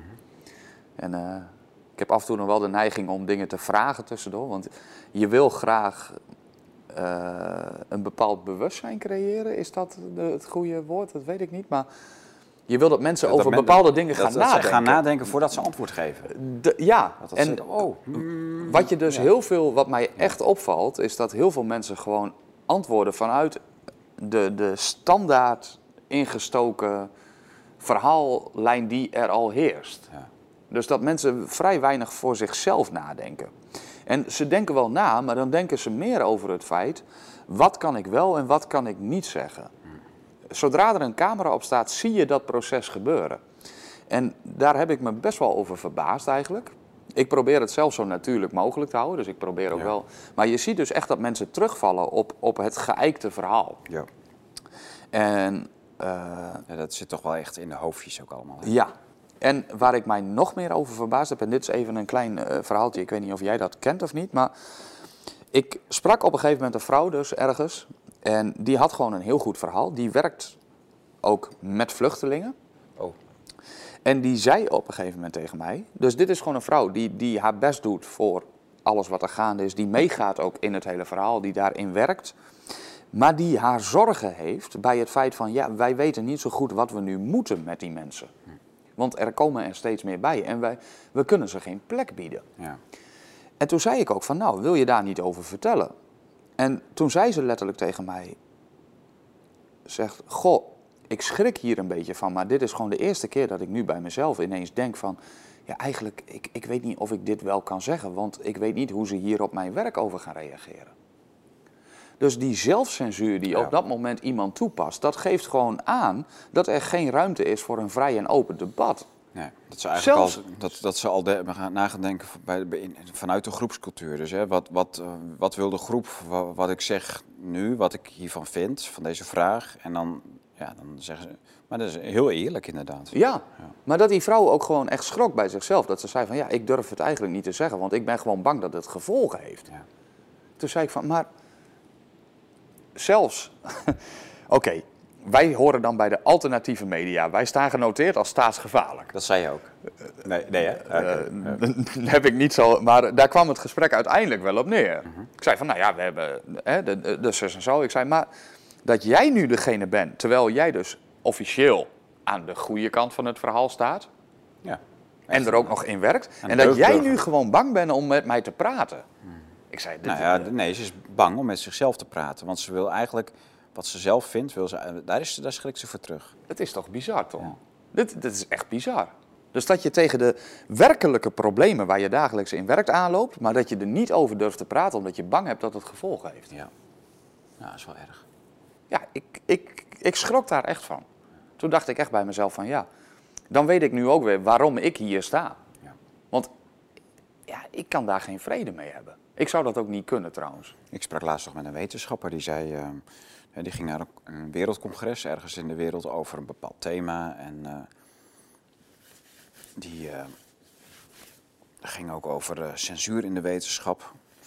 En toen zei de Chinese delegatie in één keer van ja, maar we willen eigenlijk niet dat het woord censuur gebruikt gaat worden. En toen heeft hij daar persoonlijk een stokje voor gestoken. Die zei dus van oké, maar dus we gaan het, het woord censuur gaan wij al censureren in het komende, in de komende, hoe heet dat? Eh, Het komende congres. Ja, Dat mag dan niet gezegd worden. ja Nee, dat vonden de Chinezen dan uiteindelijk ook weer net niet de bedoeling. Maar eigenlijk hadden ze dus het liefst niet dat het woord censuur in de mond genomen zou worden. Terwijl ja, we weten allemaal, dat in de wetenschap wordt natuurlijk gewoon... eh, Wat, wat, zij heeft bij de vlucht, in de vluchtelingenwereld, dat is in de wetenschap natuurlijk vele malen erger. Ja. Je mag echt niet anders denken dan de communische opinio. Ja, maar, het- ja, maar dat mensen dus... Let, ja, zelfcensuur. Ja. Het, het is te bizar voor woorden. Ja, ter- trouwens over Davos en die vliegtuigen gesproken. hè? Je had het over die privéjets van de 1500 stuks, waar de- zodat jij de kachel naar de 17 graden deed. Oh, 18 hè? 18, Oh, oh, ja. sorry. Nee, ik ben wel een kouklem. Ik wil Ja. een sigaartje opsteken, zodat de temperatuur wat oploopt. Ja. Maar eh, er was dus ook die Dick Benschop, hè, de directeur van de KLM of zoiets. ja. Die was dus ook in Davos bij dat WEF. Die vliegt dus ook gewoon met een privé vliegtuigje even heen en weer naar Dav- tussen Davos en Schiphol. En was ook eerder teruggekomen omdat er wat was. Terwijl dus op Schiphol staan er gewoon tienduizenden mensen, kunnen niet weg. Dat is ook... Van, eh, zogenaamd vanwege pro- personeelsproblemen. Ja, dat is ook wel een dingetje. hè? Wat, eh, waar zou dat vandaan komen?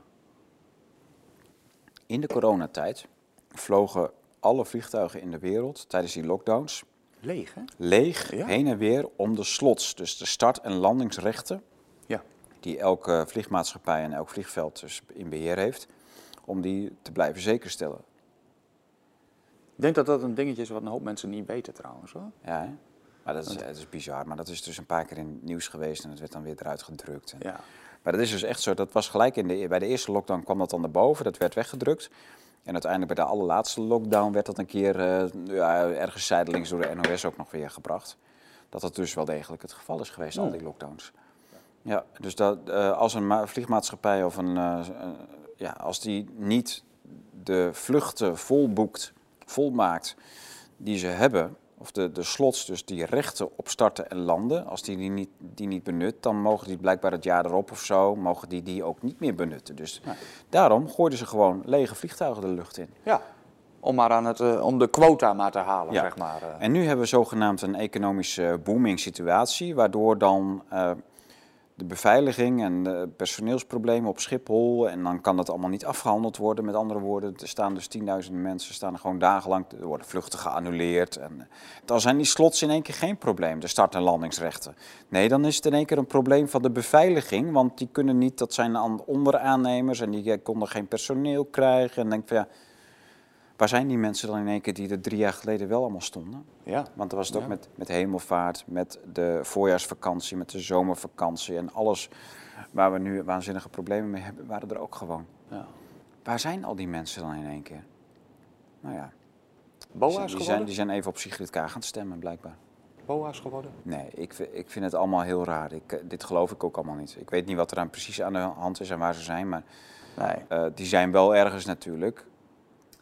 Nou ja, ik denk wel dat de beveiligingsindustrie een harde klap heeft gehad. In het opzicht van eh, alle evenementen gingen natuurlijk niet door. Nou ja, daar loopt ook bijna altijd beveiliging rond. Eh, en zo Maar, zijn er. Waar dus- komen ze dan terecht? Die gaan, die, eh, die gaan toch geen vakken vullen? Nee, maar daarom zeg ik, zijn het, zijn, daarom was eigenlijk een beetje mijn opmerking van zijn het nu bouw, want er zijn natuurlijk een paar duizend extra BOA's aangenomen. Ja, 5000, maar die komen niet allemaal van Schiphol af. nee, maar, Ja, nee, maar ja, dat, eh, het is gewoon dat ik denk van ja, weet je, het, ja. Kijk, want het is wel dubbelop natuurlijk. Want ik, toevallig eh, bij ons in het dorp is nu feestweek. Nou, daar is die feesttent is de hele week geopend. Daar loopt elke avond beveiliging rond. Ja. Eh, en Oerok, festivalletje hier in de buurt, loopt. dus je ziet Maar wel. ik vraag denk je dan wel ook dat- aan die mensen van waar hebben jullie de afgelopen twee jaar gewerkt? Geen idee. Ik, ja. Kijk, dat, eh, maar de, dus ik kan me wel voorstellen, omdat alles in één keer weer open gaat natuurlijk. Alles is weer booming. Maar Menno, was drie jaar geleden toen jullie dat dorpsfeest hadden, liep daar toen ook beveiliging rond? Ja, Oké. ja. Dat is eigenlijk wel eh, Dat standaard. is eh, iets wat ik nog nooit heb gehoord eigenlijk. Maar goed, Nou, dat, ik ga ook nooit naar feestweken toe. Nee, maar ik kom op een hoop evenementen en, en beveiliging is redelijk normaal. Oh, Ja, ja, dat, Ja. eh, Oké. Dus, maar ik denk wel dat die industrie een harde klap heeft gehad. Dus ik kan dat in zoverre wel verantwoorden dat ze dan zeggen van... in de afgelopen twee jaar dat er een hoop beveiligers toch ontslagen zijn of ander werk hebben gezocht. Ja. Maar waar dan? Dat vraag ik me ook af. Ja. Ja, Die zitten echt niet allemaal ineens op de heftruck in een... eh, nee. Maar het bijzondere vind ik, je hoort nu overal dat er personeel wordt gezocht. Want het is echt, in de bouw is het drama. Ja. Eh, je ziet het overal. Rij je maar ergens langs en personeel gevraagd. Eh, Je rijdt weer achter een busje, daar staat weer achterop eh, collega's gezocht. Ja. het, en dan denk ik, is dat dan de vergrijzing die inhakt? Of, of wat? Nee er is iets aan de hand wat ik niet, wat ik niet weet, maar dat wat echt niet waar is. Dat is niet... Kijk, de afgelopen... 2008 was dus de, echt de grote klap, die we eigenlijk nooit te boven zijn gekomen. En sindsdien is de, hebben ze rentepolitiek ge- gepleegd om die koers allemaal een beetje normaal te krijgen, om de economie... Ze hebben waanzinnig veel geld in de economie gepompt, dus gewoon geld bijprinten. Ja, Eh, en, en daarmee dus steeds maar weer elk jaar, jaar in jaar uit, hebben ze gezegd van ja, de economie groeit. Kijk, eh, dit kwartaal groeit in paal, zoveel procent ten opzichte van het kwartaal vorig jaar. En dat is gewoon allemaal fake geweest. Want de, er was geen groei. Dat, dat, dat geprinte geld, of dat in de economie gepompte geld, dat ging gewoon direct naar de aandeelhouders en naar de banken. maar dat is ook wat eh, Mario Draghi natuurlijk eh, Ja. toen de tijd is- gezegd heeft. Hè? Het is dus niet gegaan naar werkeloosheid. eh, dat ging niet naar loonsverhoging. Dat ging niet naar koopkrachtsverbetering. Dat ging niet naar. De, nou ja, dat ging gewoon. Dat, het kwam niet bij de mensen terecht. Dus Nee. Dat geld wat allemaal bijgepompt is, dat bleef bovenin hangen, is nooit in de echte eh, economische circulatie terechtgekomen. Hm. Dus de, ja, wat, wat daar allemaal nu gebeurt, dat is, heeft ook te maken met, met, met toen, met al dat bijgeprinte geld, wat, wat niemand ooit gezien heeft. En wat nog steeds doorgaat. Hè? Ja. Want tijdens de coronaperiode is er natuurlijk gewoon een bizarre hoeveelheid geld eh, bijgedrukt. Dat is echt niet normaal. Ja. Dus de reden dat we nu natuurlijk eh, steeds eh, die inflatie maar op zien lopen en op zien lopen, dat heeft daar ook allemaal mee te maken. Ja. Maar dat geld bijprinten, dat is dus echt al eh, 14 jaar aan de gang. Ja, ja. ja. Maar dat, dat was wat toen de tijd Mario Draghi dus, hè, die, die zei dat ook van ik, ik geef hiermee geen oplossing voor de crisis, ik koop alleen tijd Ja. om met een goede oplossing te komen. Ja, en die ja, is er we- nooit gekomen. Nee, sterker nog, het ging juist alleen maar erger. Ja. De, de grote klap, die... eh, Ja. ja, goed. Ja. Dus eh, die moet nog komen, zeg maar. Nee, die zit, zitten we midden Of, in. ja, nou ja, ja. Ja. Maar als ik om me heen kijk, en ik merk het zelf ook, Tom. Ik zal heel eerlijk zijn. We kunnen nog steeds wel redelijk wat doen. Het wordt alleen steeds duurder. Dus langzamerhand gaat alles van je af. Ja. Dat is het gewoon. Ja, maar kijk, als, bij die, als je nu bij de Jumbo voor een tasje boodschappen 60 euro betaalt in plaats van eh, twee jaar geleden 25 euro, wat we toen al schandalig vonden, schandalig veel geld voor een tasje boodschappen, dan betekent dat dat dat geld ergens heen gaat. Eh, eh, dus dat, dat de, de geldtransfer van onder naar boven, die vonden wij toen al belachelijk. Dus we hebben hier in het begin van de Bloedeiken Studio hebben wij hier debatten gehad eh, die, die daarover gingen. En dat, dat ging allemaal naar de aandeelhouders, naar de, naar de, naar de eigenaren en Ja. de, de, de 0,01 procent, de superrijken. Ja. Nou, de- in de coronatijd is dat alleen maar erger geworden. Hè. Die superrijken zijn waanzinnig veel rijker geworden. Er zijn mensen miljardair geworden in binnen een jaar van niks naar alles. Eh, dat, kon niet op. Maar het gaat natuurlijk nooit naar ons. Wij betalen dat allemaal. Ja. Dus het is een enorme. Er is een enorm eenrichtingsverkeer van geld wat van onder naar boven gaat. Ja, En wat we nooit terugzien. klopt. Ja, absoluut. Maar de, de vraag is gewoon, wanneer barst de bom een keer? Nou, ik denk dat we allemaal waanzinnig arm aan het worden zijn, heel snel ook. Het gaat van jou En ja.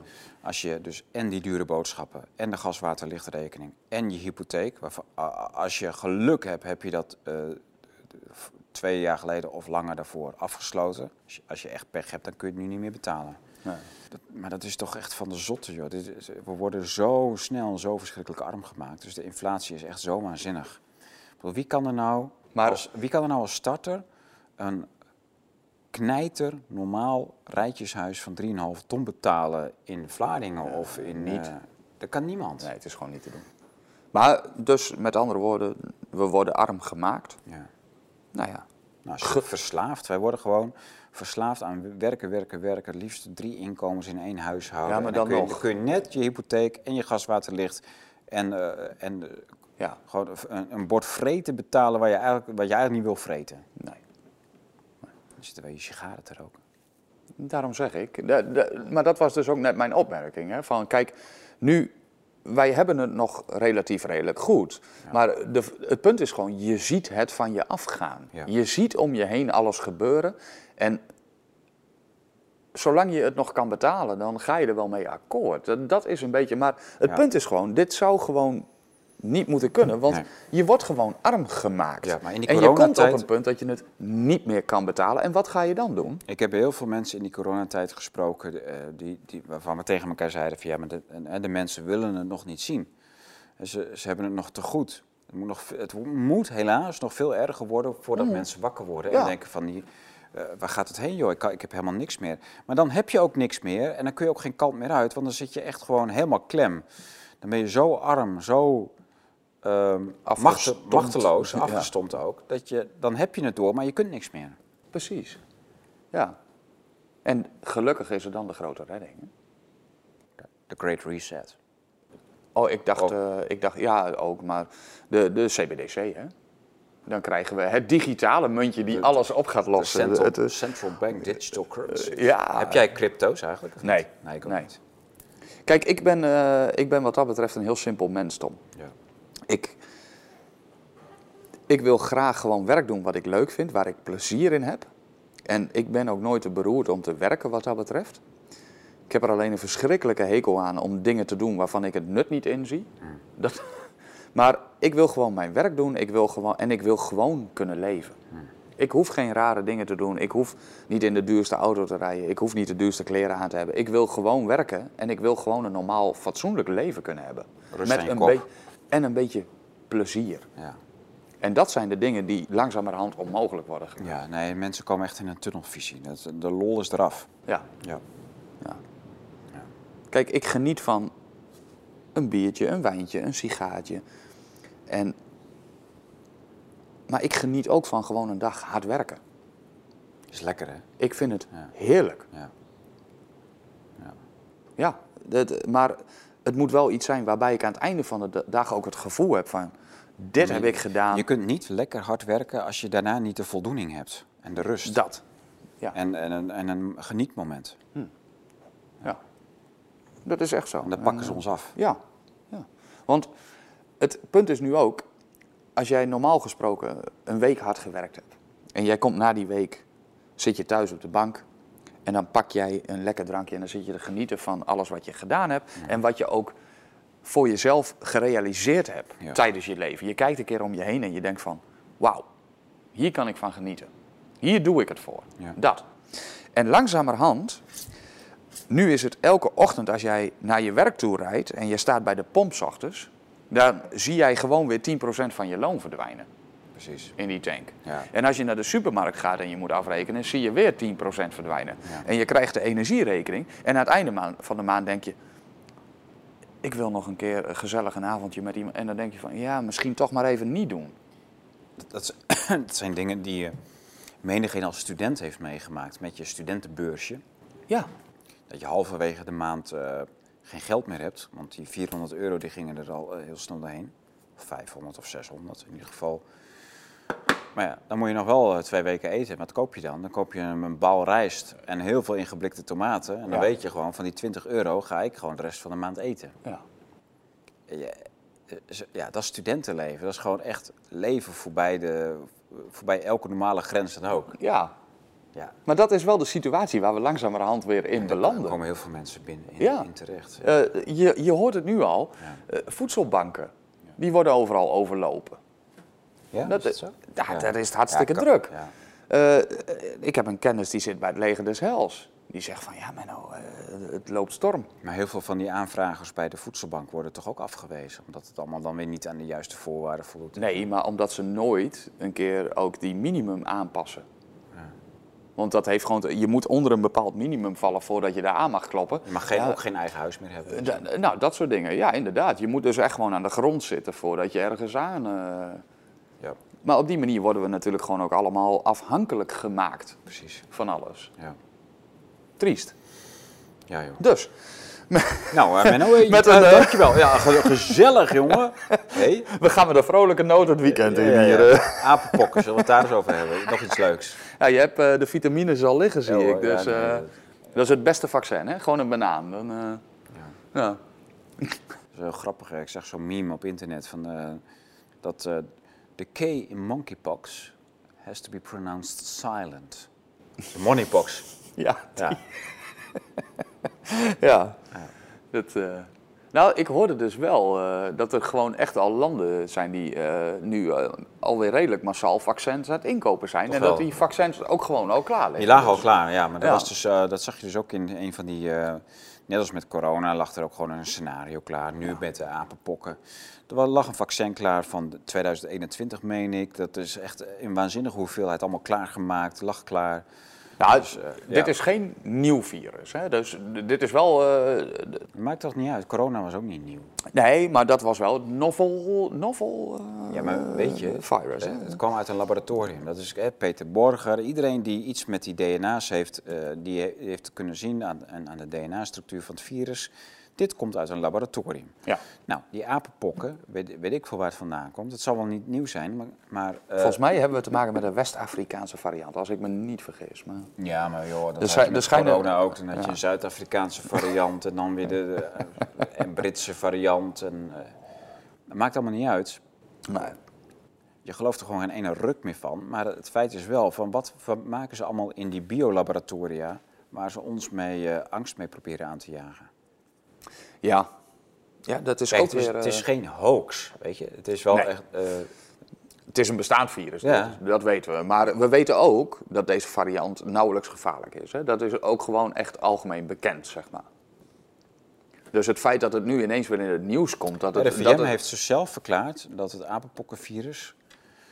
ja, er eh, zijn twee varianten. het- die, nee, nee twee, de- de- dus de RIVM heeft verklaard dat het één, het is niet heel besmettelijk, letterlijk hun dik- di- dictaat. Punt twee, het is ook niet heel ziekmakend. Nee, klopt. Deze variant niet. Nee, Die andere is een ander verhaal.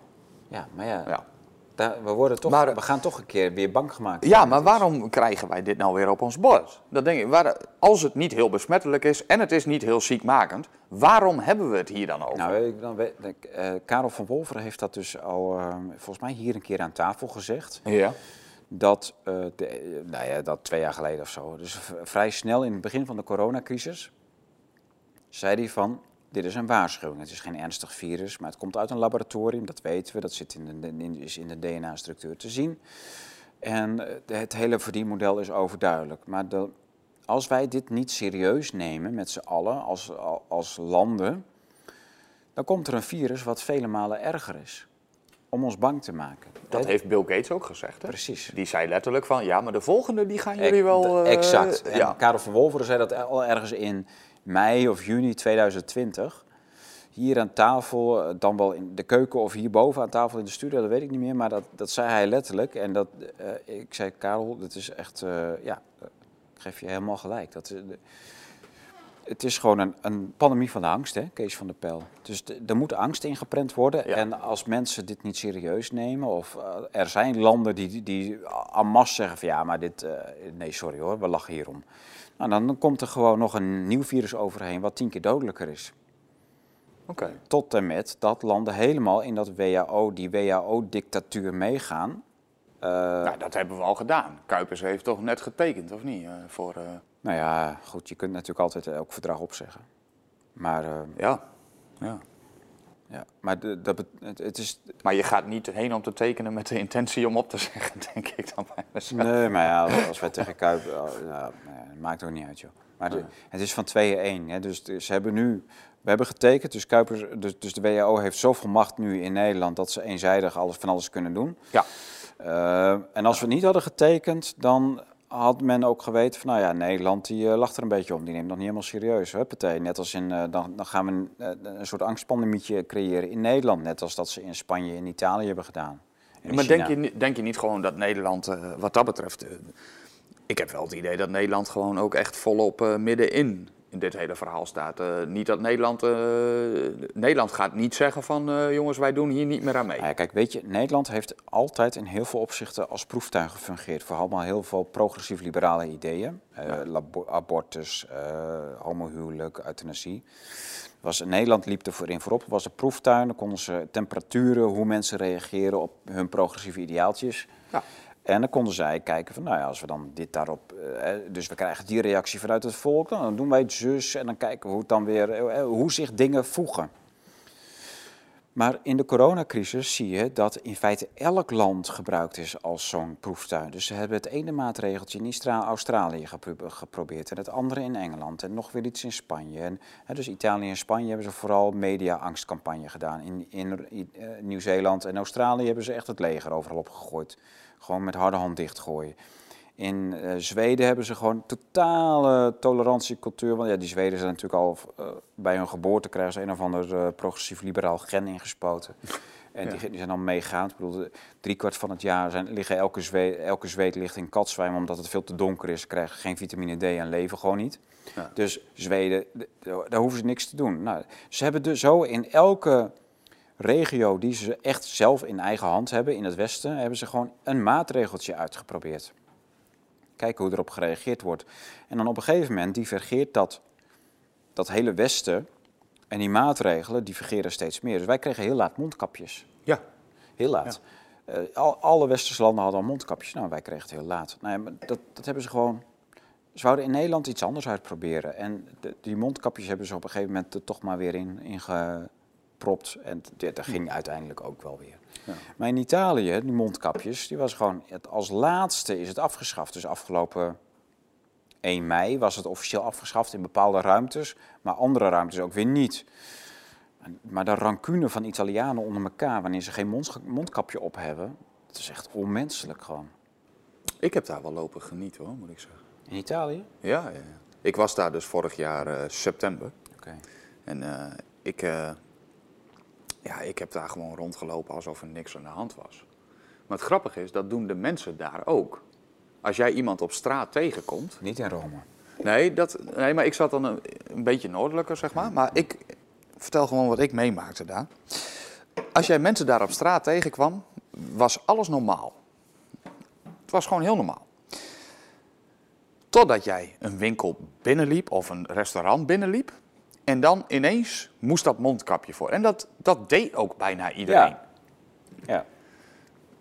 Ja, nou ja, ik ben dan zo'n eigenwijze kut Hollander. Ik heb het niet gedaan. Never, nooit niet. Nee, ik ook dus niet. Maar ik liep gewoon naar binnen toe en ik kijk die vrouw aan en ik zeg gewoon heel vriendelijk: Goeiedag. Ja. En eh, nou ja, ik vraag dan om een espressootje Ja. en dan krijg je trouwens heerlijke espresso en koffie. Dat, eh, Nou, ik heb andere ervaringen in Italië. Nou nee, ik heb echt wel zitten genieten daar. Eh, we hadden een heel mooi plekje gevonden daar waar ik echt eh super goede koffie had. In Noord-Italië vond ik de koffie beter dan in Zuid-Italië. Nou, kijk. Dus, maar, en dan kijken ze je ook gewoon heel vriendelijk aan. En als mensen bij je langslopen, kijken ze af en toe wel eens een keer van... Jongen. Ja, nog één keer. Van, wat, wat is dit voor een rare gast? Maar volgens mij denken ze dan gewoon van, ja, hij zal het wel niet snappen of zo. En dan Ja. lopen ze ook weer door. Ja, ik kreeg in Rome kreeg ik echt gekke winkelbedieners achter me aan. Die, eh, Maar dat is ook weer een hoofdstadverhaal dus. Nou, ik, eh, van tevoren had ik een beetje rondgevraagd on- in, in Italië van nou, hoe, waar zit, hoe doen ze dat daar en waar en zo. En ik hoorde dus van, nou ja, in, in Rome valt het wel mee, maar er zijn provinciesteden waar het veel erger is. Ja. Dus ik dacht, nou ja, Rome valt wel mee. echt verschrikkelijk, joh. Echt, echt, wat een... Op mondkapjesgebied en maatregelen.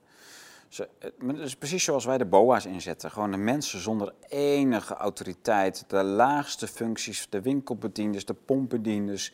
Die, die gaan totaal los op mensen die dan geen mondkapjes hebben. Het is Ja. echt de, de rancune van de lager geplaatste naar de klant, naar de chefs. Naar de, dat wordt gewoon volop eh, ingezet. Ja, je ziet dus op het moment dat jij een normaal iemand, als die ineens in een positie komt dat hij macht uit kan oefenen Ja. over iemand, dan wordt Ja. het gewoon een soort dictator. Ja, of zo. wat, wat Dus wij, het, idee, het idee hebben wat wij bij de, de voorzitter van de plaatselijke voetbalvereniging hebben. Hè, dat is Ja. zo- zo'n mannetje, zo'n zo'n nietsnut, wat thuis niks te zeggen heeft. En die dan, eh, die dan uiteindelijk in het bestuur van de, van de plaatselijke voetbalvereniging komt. En, en dan in één keer helemaal all the way gaat. En eh, pff, overal bovenop en zo'n potentaatje wordt. Ja. Ja, dat, dat heb je, dat is gewoon een klassiek model.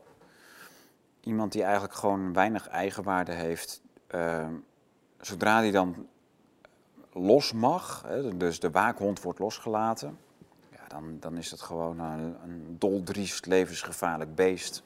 ja, bijzonder hè? En, en zo, zo krijg je eigenlijk een situatie waarin je een, een, een klasse van mensen creëert, eh, ja, nou, die eigenlijk best wel maatschappijgevaarlijk aan het worden zijn. Hè, de- die, hebben, eh, geproefd, die hebben geproefd aan machtsmisbruik, aan gezagsmisbruik, wat ze dus van hogerhand is toegestaan. Verdeel en heers? Verdeel en heers, zeker. Maar, Ja. eh, maar het is een soort hondsdolheid, maar dan onder mensen Ja. vind ik. Die, die, eh, en de vraag is of deze mensen eigenlijk maatschappelijk nog ooit gewoon goed kunnen functioneren. Kijk, als zij gewoon op hun kleine plek, in hun eigen kring, in, in hun prachtige kleinheid eh, waren gebleven, dan waren het vaak hele lieve mensen, behulpzaam, eh, met oog voor de ander en de naaste. Maar ze, maar ze zijn opgejut om een bepaalde machtsmisbruik in hun kleine positie eh, in te zetten. Waarmee, waarvan ik mij afvraag, dit, dit gaat gewoon niet meer goed komen met deze mensen. Nou, die mensen komen natuurlijk in een probleem, want tijdens deze periode is hun een mandaat gegeven wat ze eigenlijk nooit hebben gehad Ja, en wat ze ook nooit zullen hebben. nee. Nee. Maar ze hebben wel dat gekregen van hogerhand zogenaamd. Ja. Maar het, het is niet reëel, zeg maar. Dus je wordt eigenlijk gewoon in een soort schijnwereld geplaatst op dat Ja. moment. Nou, ik vond het heel grappig. Ik heb, er, ik heb er geprobeerd om ermee te spelen in Italië. Een beetje met, die, met ook deze klasse van eh, winkelbedienders en zo. Die dan helemaal toe gaan krijsen als een soort eh, borderline Karens. Maar hoe komt dat dan? En, eh, wat, wat gebeurt er dan? Ja, eh, eh, dat is gewoon. eh, die mensen raken in paniek. Want die worden opgezadeld met een bevoegdheid die totaal boven hun alle vermogens ingaan. Ja. Eh, zij moeten toezien dat iedereen een mondkapje op heeft die in die verdomde winkel eh, binnenloopt. En, eh, Ja. Dus ze moeten iets handhaven wat ze helemaal niet, niet kunnen. Dus dan krijg je ze van die schreeuwende winkelbedieners aan. Dus het, het komt voort uit plichtsbesef. wa- waar goede winkelbedieners in uitmunten. Behulpzaamheid, plichtsbesef, loyaliteit naar de baas. Het goed doen van de taken die je hebt opge- opgedragen gekregen. Dat zijn, dat zijn hele lovenswaardige dingen. En, en die basale dingen worden gewoon schandalig misbruikt door de, in, in die coronacrisis door, door eh, ja, bedrijfs... eh, Nee, door overheden. ja, maar het wordt natuurlijk binnen bedrijven wordt het allemaal gedelegeerd tot aan de laagste mens, tot, Ja. tot de laagste bediende. Maar het, ik zie dat toch wel zo dat. ehm, kijk, op het moment dat de overheid zoiets zegt. En jij hebt een winkelbedrijf die dan tijdens de coronacrisis dan open mocht blijven. Nou ja, dan moet je natuurlijk al onze grote leiders op je knieën danken. Ja. Dat is één. En dan doe jij er ook alles aan om te zorgen dat je open mag blijven natuurlijk. Dus jij instrueert Ja, dat, je dat personeel, er zit ook egoïsme bij. Hè? Dus van, van, de vloer. eh, en- van mogen, eh, dat, dat, eh, mochten wij dus. eh, de, eh, ja, de, de- ze hebben ook angst. Dat klopt, je hebt helemaal gelijk. ja, Dus de angst van eh, wij worden gesloten als wij niet kosten wat kost handhaven op klanten die, mondkapjes op. doen. Dat klopt. Kijk, en Dus dan ga je dus je personeel dingen. instrueren dat die Ja. de verplichting en, de, en ook de Ja. morele verantwoordelijkheid hebben om dit te doen. Ja. En daarom zeg ik, er wordt die mensen een mandaat gegeven wat ze nooit hadden. Nee. En wat ze ook, ja, Ja. Dus dat heb ik veel gezien in Italië. Maar wat, Ja. ik, ik heb ook hele mooie dingen meegemaakt. Bijvoorbeeld het Vaticaans Museum. Eh, eh, nou, mijn dochter en ik wouden daar heel graag naar binnen. Want ik wou naar de Sixtijnse kapel. ja. En eh, de, de- qua mondkapjesregels, het ergste van alles is, zijn de Vaticaanse voorzieningen. Dus de, de, de Sint-Pieter, Vaticaanse musea. Misschien heb je nog wat andere dingetjes, maar dat is de kerken in Rome. Ook, ook dus buiten het Vaticaan. Dat is echt, als je dat ziet, joh, dat mensen de kerk binnengaan. Ik bedoel, je hebt notabene, heb je tussen het Vaticaan en de Italiaanse staat heb je een concordaat. Dus dat is een soort wapenstilstand uit de jaren 30, waarin de Italiaanse staat en het Vaticaan beide hebben gezegd van nou onze posities verschillen, maar we sluiten een soort wapenstilstand waarbij wij, het Vaticaan bleef uiteindelijk een kleine stadstaat ja. en Italië nam de rest van alle kerkelijke bezittingen in bezit. Maar de, de kerken waren min of meer, ja, eh, vielen buiten dus de overheidsautoriteit. Is dat de scheiding van kerk en Ja, staat? scheiding van kerk en staat. Maar dat was echt gewoon Ja. een concordaat van, eh, hoe heet het ook alweer, van, eh, nou ja, in de jaren 30. Mussolini en de, en de staat. Ja. Dat werd dus een, in feite een sluimerende oorlog van, volgens mij, eh, 60 jaar. Dus tussen Garibaldi en Mussolini heeft een soort oorlog gewoed van 60, 70 jaar. En die is met, mm, door Mussolini is die in een soort wapenstilstand beëindigd. Met andere woorden, de kerken hadden hun eigen autoriteit, eh, een eigen grondgebied. Het Vaticaan had een eigen gezag en het was een eigen staatje. En eh, eh, laten we elkaar niet te moeilijk maken. Ja. En eh, wat je ziet is dus dat in de coronatijd dat alle maatregelen die de Italiaanse overheid afkondigt, dat die als eerste in de kerken werd toegepast. De mondkapjes, de afstanden, de- alle hygiëneregels. En dat, er werd nog net niet uh, vaccinpaspoort hoor, de green, de green pass werd, bijna, werd nog net niet gevraagd. Maar ja. eh, als een stel schapen, joh, dat je daar in Italië zit en al die mensen met mondkapjes op in die kerken. En mijn dochter en ik gingen dus op, eh, eind april, toen in Nederland al weken, zo niet twee maanden lang, de coronamaatregelen afgeschaft werden. Hier liep niemand meer met een mondkapje. Dan heb je in Rome heb je de Friesenkerk. Dat is de kerk voor de Nederlanders. Ja. Daar wordt in het Nederlands wordt elke zondag een mis gedaan. En, eh, dus daar komen alle Nederlandse toeristen gaan naar de Friese kerk in Rome, naar de mis, de katholieken. Ja. Dus wij daar ook heen. Zit die kerk daar verdomd vol met mondkapjes. Dus al die Nederlanders die in Rome op bezoek zijn, die dus al lang, al maandenlang in Nederland nergens meer iets aan doen. Ja. Ik denk, ze komen hier gewoon hun mondkapjesverslaving komen ze vieren. Omdat ze in Nederland uitgelachen worden als ze nog een mondkapje opdoen. Dan gaan ze lekker naar Italië, zodat ze de mondkapjes nog Ja. kunnen gebruiken. Nou ja, Ja, in de eh, kerk. In de kerk. Echt. In Nederland, in de kerk. Ik heb het nog nooit gezien. Heb jij... Ik, ik weet niet hoe jij dat... eh, jij, jij komt natuurlijk niet zo heel veel in Ik kom niet meer in de kerk, nee. Ik heb daar een aantal jaren doorgebracht. Maar en, ik heb in eh, Nederland niemand in de kerk gezien met mondkapjes op. Nee, hè? Ik- maar ik heb mij wel heel erg verbaasd over de discussie die ook rondging over het, eh, over het kerkgaan en, en dit hele, tijdens de hele pandemie eigenlijk. Ja. Ja, ik heb me daar heel erg over verbaasd, want ik, hetzelfde met het vaccinatiegebeuren en, en dat hele verhaal. Hè. We weten altijd al dat van oudsher de Bijbelbelt waren ook eh, het grootste gedeelte wat eh, de Ja. kinderen niet liet vaccineren Ja. en andere dingen. Ja. En als je dan nu gewoon kijkt. eh, Ja, maar wat- die mensen worden in hun eigen media plat gegooid met vaccinatiepromotie. Dus het Reformatorisch Dagblad, Ja. de SGP. Ja, ik, ik heb moeite om dat allemaal met elkaar te rijmen, zeg maar. Eh, dat, ik, ik, ja. Ja, ik ook. Ik vind het heel moeilijk. Ja. Ja. Het is, eh, Ja, en bij ons de aartsbisschop Eijk, die gewoon een pleidooi voor het vaccineren heeft gehouden. En eh, hij heeft een medische achtergrond. En dan denken we, ja, dat is dan het hoofd van de Nederlandse kerkprovincie van, voor de katholieken. Dus Ja. voor, voor, het is niet echt de, de directeur van alle Nederlandse katholieken, maar hij is wel het hoogst in rang. ja. En die eh, zegt gewoon in, in de katholieke media dat je je moet laten vaccineren tegen corona. Kijk, ik heb, daar, eh, ik heb daar een mening over. Ik weet niet eh, ik, ik, eh, of ik hem even mag vertellen of niet. Maar Ja, ga je gang, jongen. ik denk daar heel simpel over. Het is, met vaccinatie ga je een preventieve behandeling doen voor een ziekte die je eventueel kunt krijgen. Als je gelovig bent, hoor je volgens mij ook te vertrouwen dat God op jouw pad brengt wat hij beslist. Ja. Dus op het moment dat jij ziek wordt, mag je volgens mij ook wel eh, medicatie, andere dingen Precies. die je nodig hebt om Ja. eventueel weer beter te worden. Dat Ja. zijn gewoon de middelen die beschikbaar zijn. Ja. Maar voor die tijd is volgens mij een heel ander verhaal. Want als jij een leven leeft in vertrouwen, in geloof, Mhm. zou jij nooit iets aan je lichaam mogen doen wat jou eventueel kan schaden. Ja, ik weet het niet. Ik vind met Nee, vaccineren... toch? Principieel kan ik tegen het, principe van vaccineren... eh, mijn vertrouwen in dat principe is, is heel erg geslonken. Eh, en dat, dat was al niet heel groot. Maar echt puur principieel denk van ja, als je met een, eh, een vaccin een antistof in je lichaam kan aanmaken... zodat je uiteindelijk geen... met de, de pokken, dit was een heel beroemd voorbeeld natuurlijk...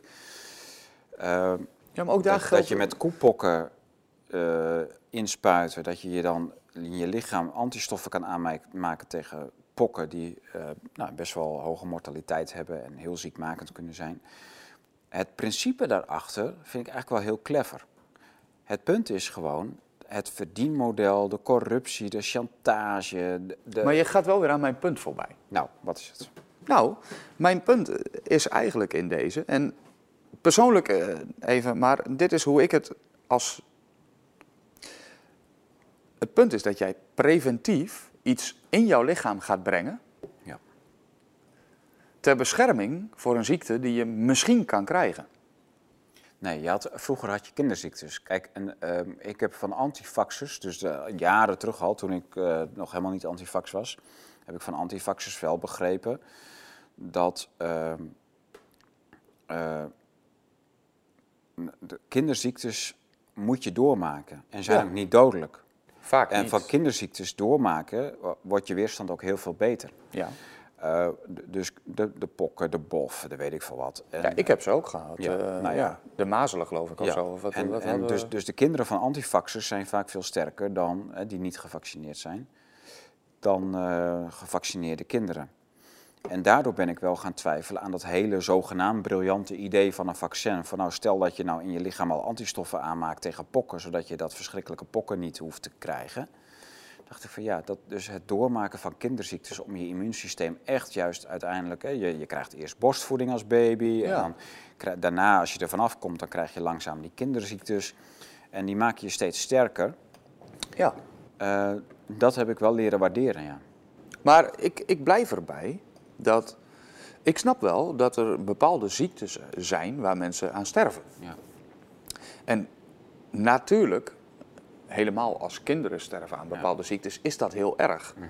Maar geef jou dat het recht om te gaan bepalen wanneer het gebeurt of niet. Ja. Want ja, dat is mijn Ja, maar dat- principiële dat- punt in dit. En dat vind, En- ik dus, dat vind ik dus, Menno, om daar even op terug te komen, ik vind dat niet zo'n heel belangrijk punt. Want eh, dan mag je nu namelijk helemaal niks meer doen. Dan, dan is het, als je ziek wordt, moet je je overgeven. Nee, Kijk, wat nee als je ziek wordt, heb, nee, maar als je ziek wordt, heb je het al.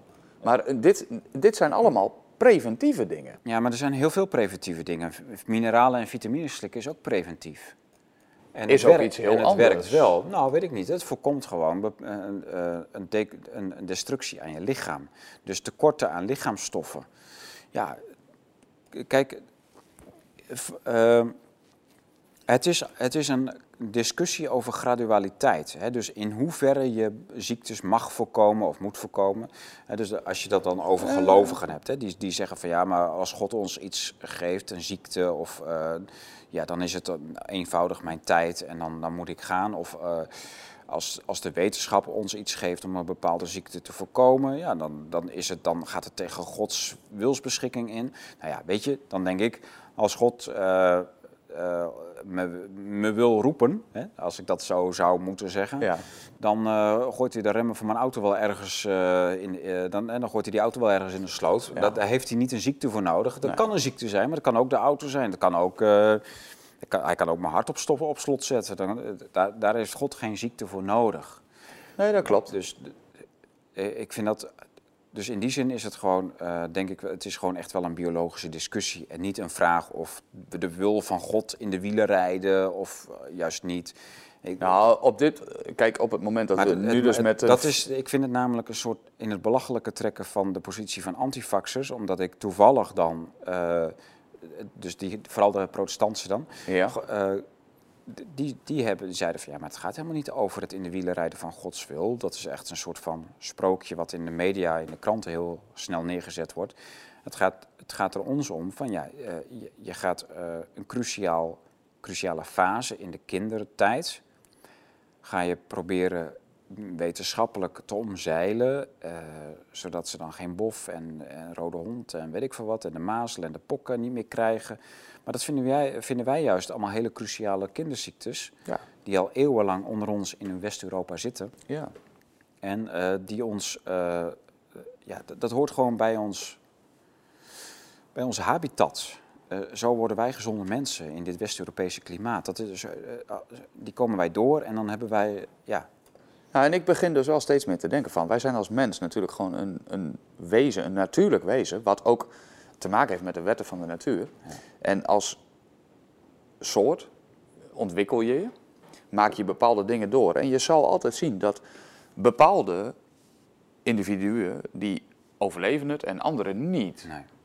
En als jij kunstmatig de- overlevingsgraad omhoog gaat brengen, creëer je daarmee ook weer nieuwe problemen en nieuwe ziektes. Ja, weet je wat, wat, weet je wat de echte de crux is geweest in de geboortegolf die wij eind 19e eeuw, begin 20e eeuw hebben gehad? Dat was niet de vaccinatie, dat was niet de, Nee. de pokkenvaccins, maar dat waren, Welvaart, toch? waren ook niet de welvaart en de medicijnen. Dat was de uitvinding van warm water. Maar welvaart in zoverre. eh, onderdak, warm water Ja. en, en... Kijk, de, de arme mensen woonden vroeger gewoon in eh, vochtige, beschimmelde, koude ruimtes. Precies, ja. Eh, dat zorgde voor een grote kindersterfte en ook kraamvrouwensterfte. Ja. En op een gegeven moment hadden, kwam er heet water. Eh, oh ja, en de penicilline. Dus, eh, dus de antibiotica Dus en, het- en heet Dus, water. ja. ja. maar één medicijn. Ja, En die andere miljoen medicijnen helemaal niet. nee. nee. Dus, de, dus die antibiotica, de uitvinding van antibiotica en heet water heeft ervoor gezorgd dat, dat de hygiëne zo enorm opschoof dat de kindersterfte en de kraamvrouwensterfte nagenoeg verdwenen in, eh, of decimeerden in Nederland, in heel West-Europa. Ja. En dat heeft uiteindelijk heel, die, die geboortegolf eh, in, de, in eind 19e eeuw eh, op gang gebracht. Want het was gewoon toen echt zo'n smerige bende in de, de Nederlandse steden.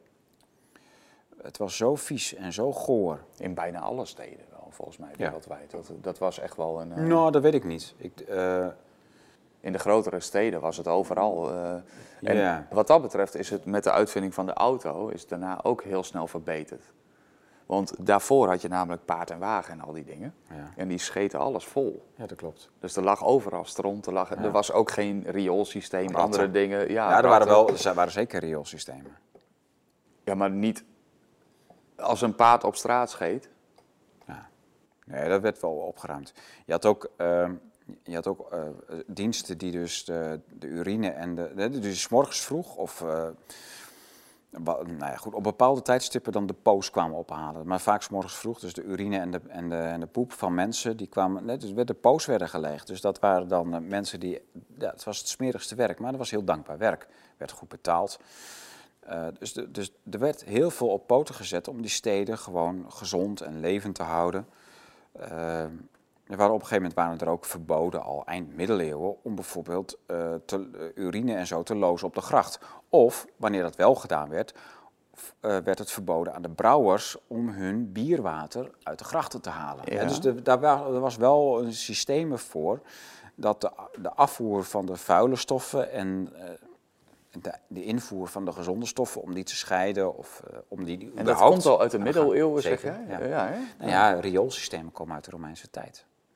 Dus de, de Perzen hadden rioolsysteem, de Egyptenaren hadden dat, de Romeinen hadden dat, de, de Grieken hadden dat. Ja, En toen had je in Europa überhaupt nog geen steden. Toen had je alleen nog maar wilde hunnen die in de bossen woonden. ja.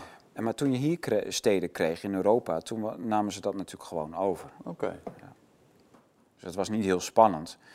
Eh, maar uiteindelijk had je rond 1900 kwam dus die, eh, het hete water, kokend water eh, en penicilline kwam als combinatie de maatschappij binnen. En dat heeft uiteindelijk de beslissende in- invloed gehad op de gezondheidszorg en op de levensverwachting van mensen. Maar wat ik dan niet begrijp, want als je het over de Grieken en de Romeinen, die, die waren toch ook al eh, met heet water en dat soort dingen. Dat, Ja, die, baden. die baden en, Precies, en de andere dingen. Ja, ja, Ja, ja. ja. Maar dat Maar dat komt dan dat- toch ook al van veel eerder, of maar niet? dat is dus eh, dat idee van dat kokend water, dat dat heilzaam is en eh, dat het bacteriën doodt, dat het goed is voor de hygiëne. Dus het begrip hygiëne, dus dat, dat idee van de, de drie R's, reinheid, eh, Rust, reinheid, rust en regelmaat. Eh, regel, ja. Dat, dat was iets wat dus eh, eind 19e eeuw heel erg opkwam. Maar die reinheid was natuurlijk heel belangrijk. Dus de- ze zagen wel degelijk dat dus die waanzinnige slobben, sloppen van arbeiderswijken... waarin mensen gewoon in beschimmelde huizen, koud, vochtig, donker... ja. Dat werd rond 1900 opengebroken. Dus toen kreeg je nieuwe wijken waarin eh, eh, heel veel licht, geschoten ramen. Dat was toen voor het eerst. Eh, warmte, eh, geen schimmels in de muren. Dus je kreeg toen eh, kruipruimtes. Oké, Mensen ja. leefden op zand, hè? Ja. in hun eigen huis. Gewoon op zandvloeren. Gewoon, Ja. ja. dat is natuurlijk gewoon eh, één grote schimmelbende geweest. Het wordt op eh, een aantal plekken in de wereld nog steeds gedaan. Ja, ja maar dat is misschien iets, iets droger klimaat ook. Ja. Ja. ja. Nee, maar dan moet je dus in, ons, in onze hoogtegraad moet je dat niet hebben. Nee. Dat, dat gaat niet. Dat is, eh, dat is, alleen, maar, dat is alleen maar nattigheid en schimmel en vieze, Maar vieze toch, eh, de wereldbevolking ontploft echt wel eh, wat dat betreft. In de Nou, afgelopen, niet. Nee, maar in de afgelopen, wat is het, 40, 50 jaar geloof ik, is Ja. het echt Ja. giga omhoog gegaan. Nou, en dan denk ik bij mezelf van ja, dat, dat hebben we dus allemaal te denken aan vaccinaties. Nee, helemaal niet. Nee, helemaal niet. Maar ik Nee. denk dus dat dat welvaart is. Ja. Dat het echt een bepaalde manier... Nee, want welvaart, als we, zodra, zodra wij in Europa welvarend waren, dus wij hadden die, kijk, die, die hele... eh, Nee, maar eh, wat ik even onder welvaart nou, versta. maar, ja. Welvaart zie ik in dit geval als de basisbehoeften die er nodig zijn om te overleven. Hmm. Dus dan hebben we het over voeding, over een dak boven je hoofd. Ja, dan leg je de lat wel heel laag.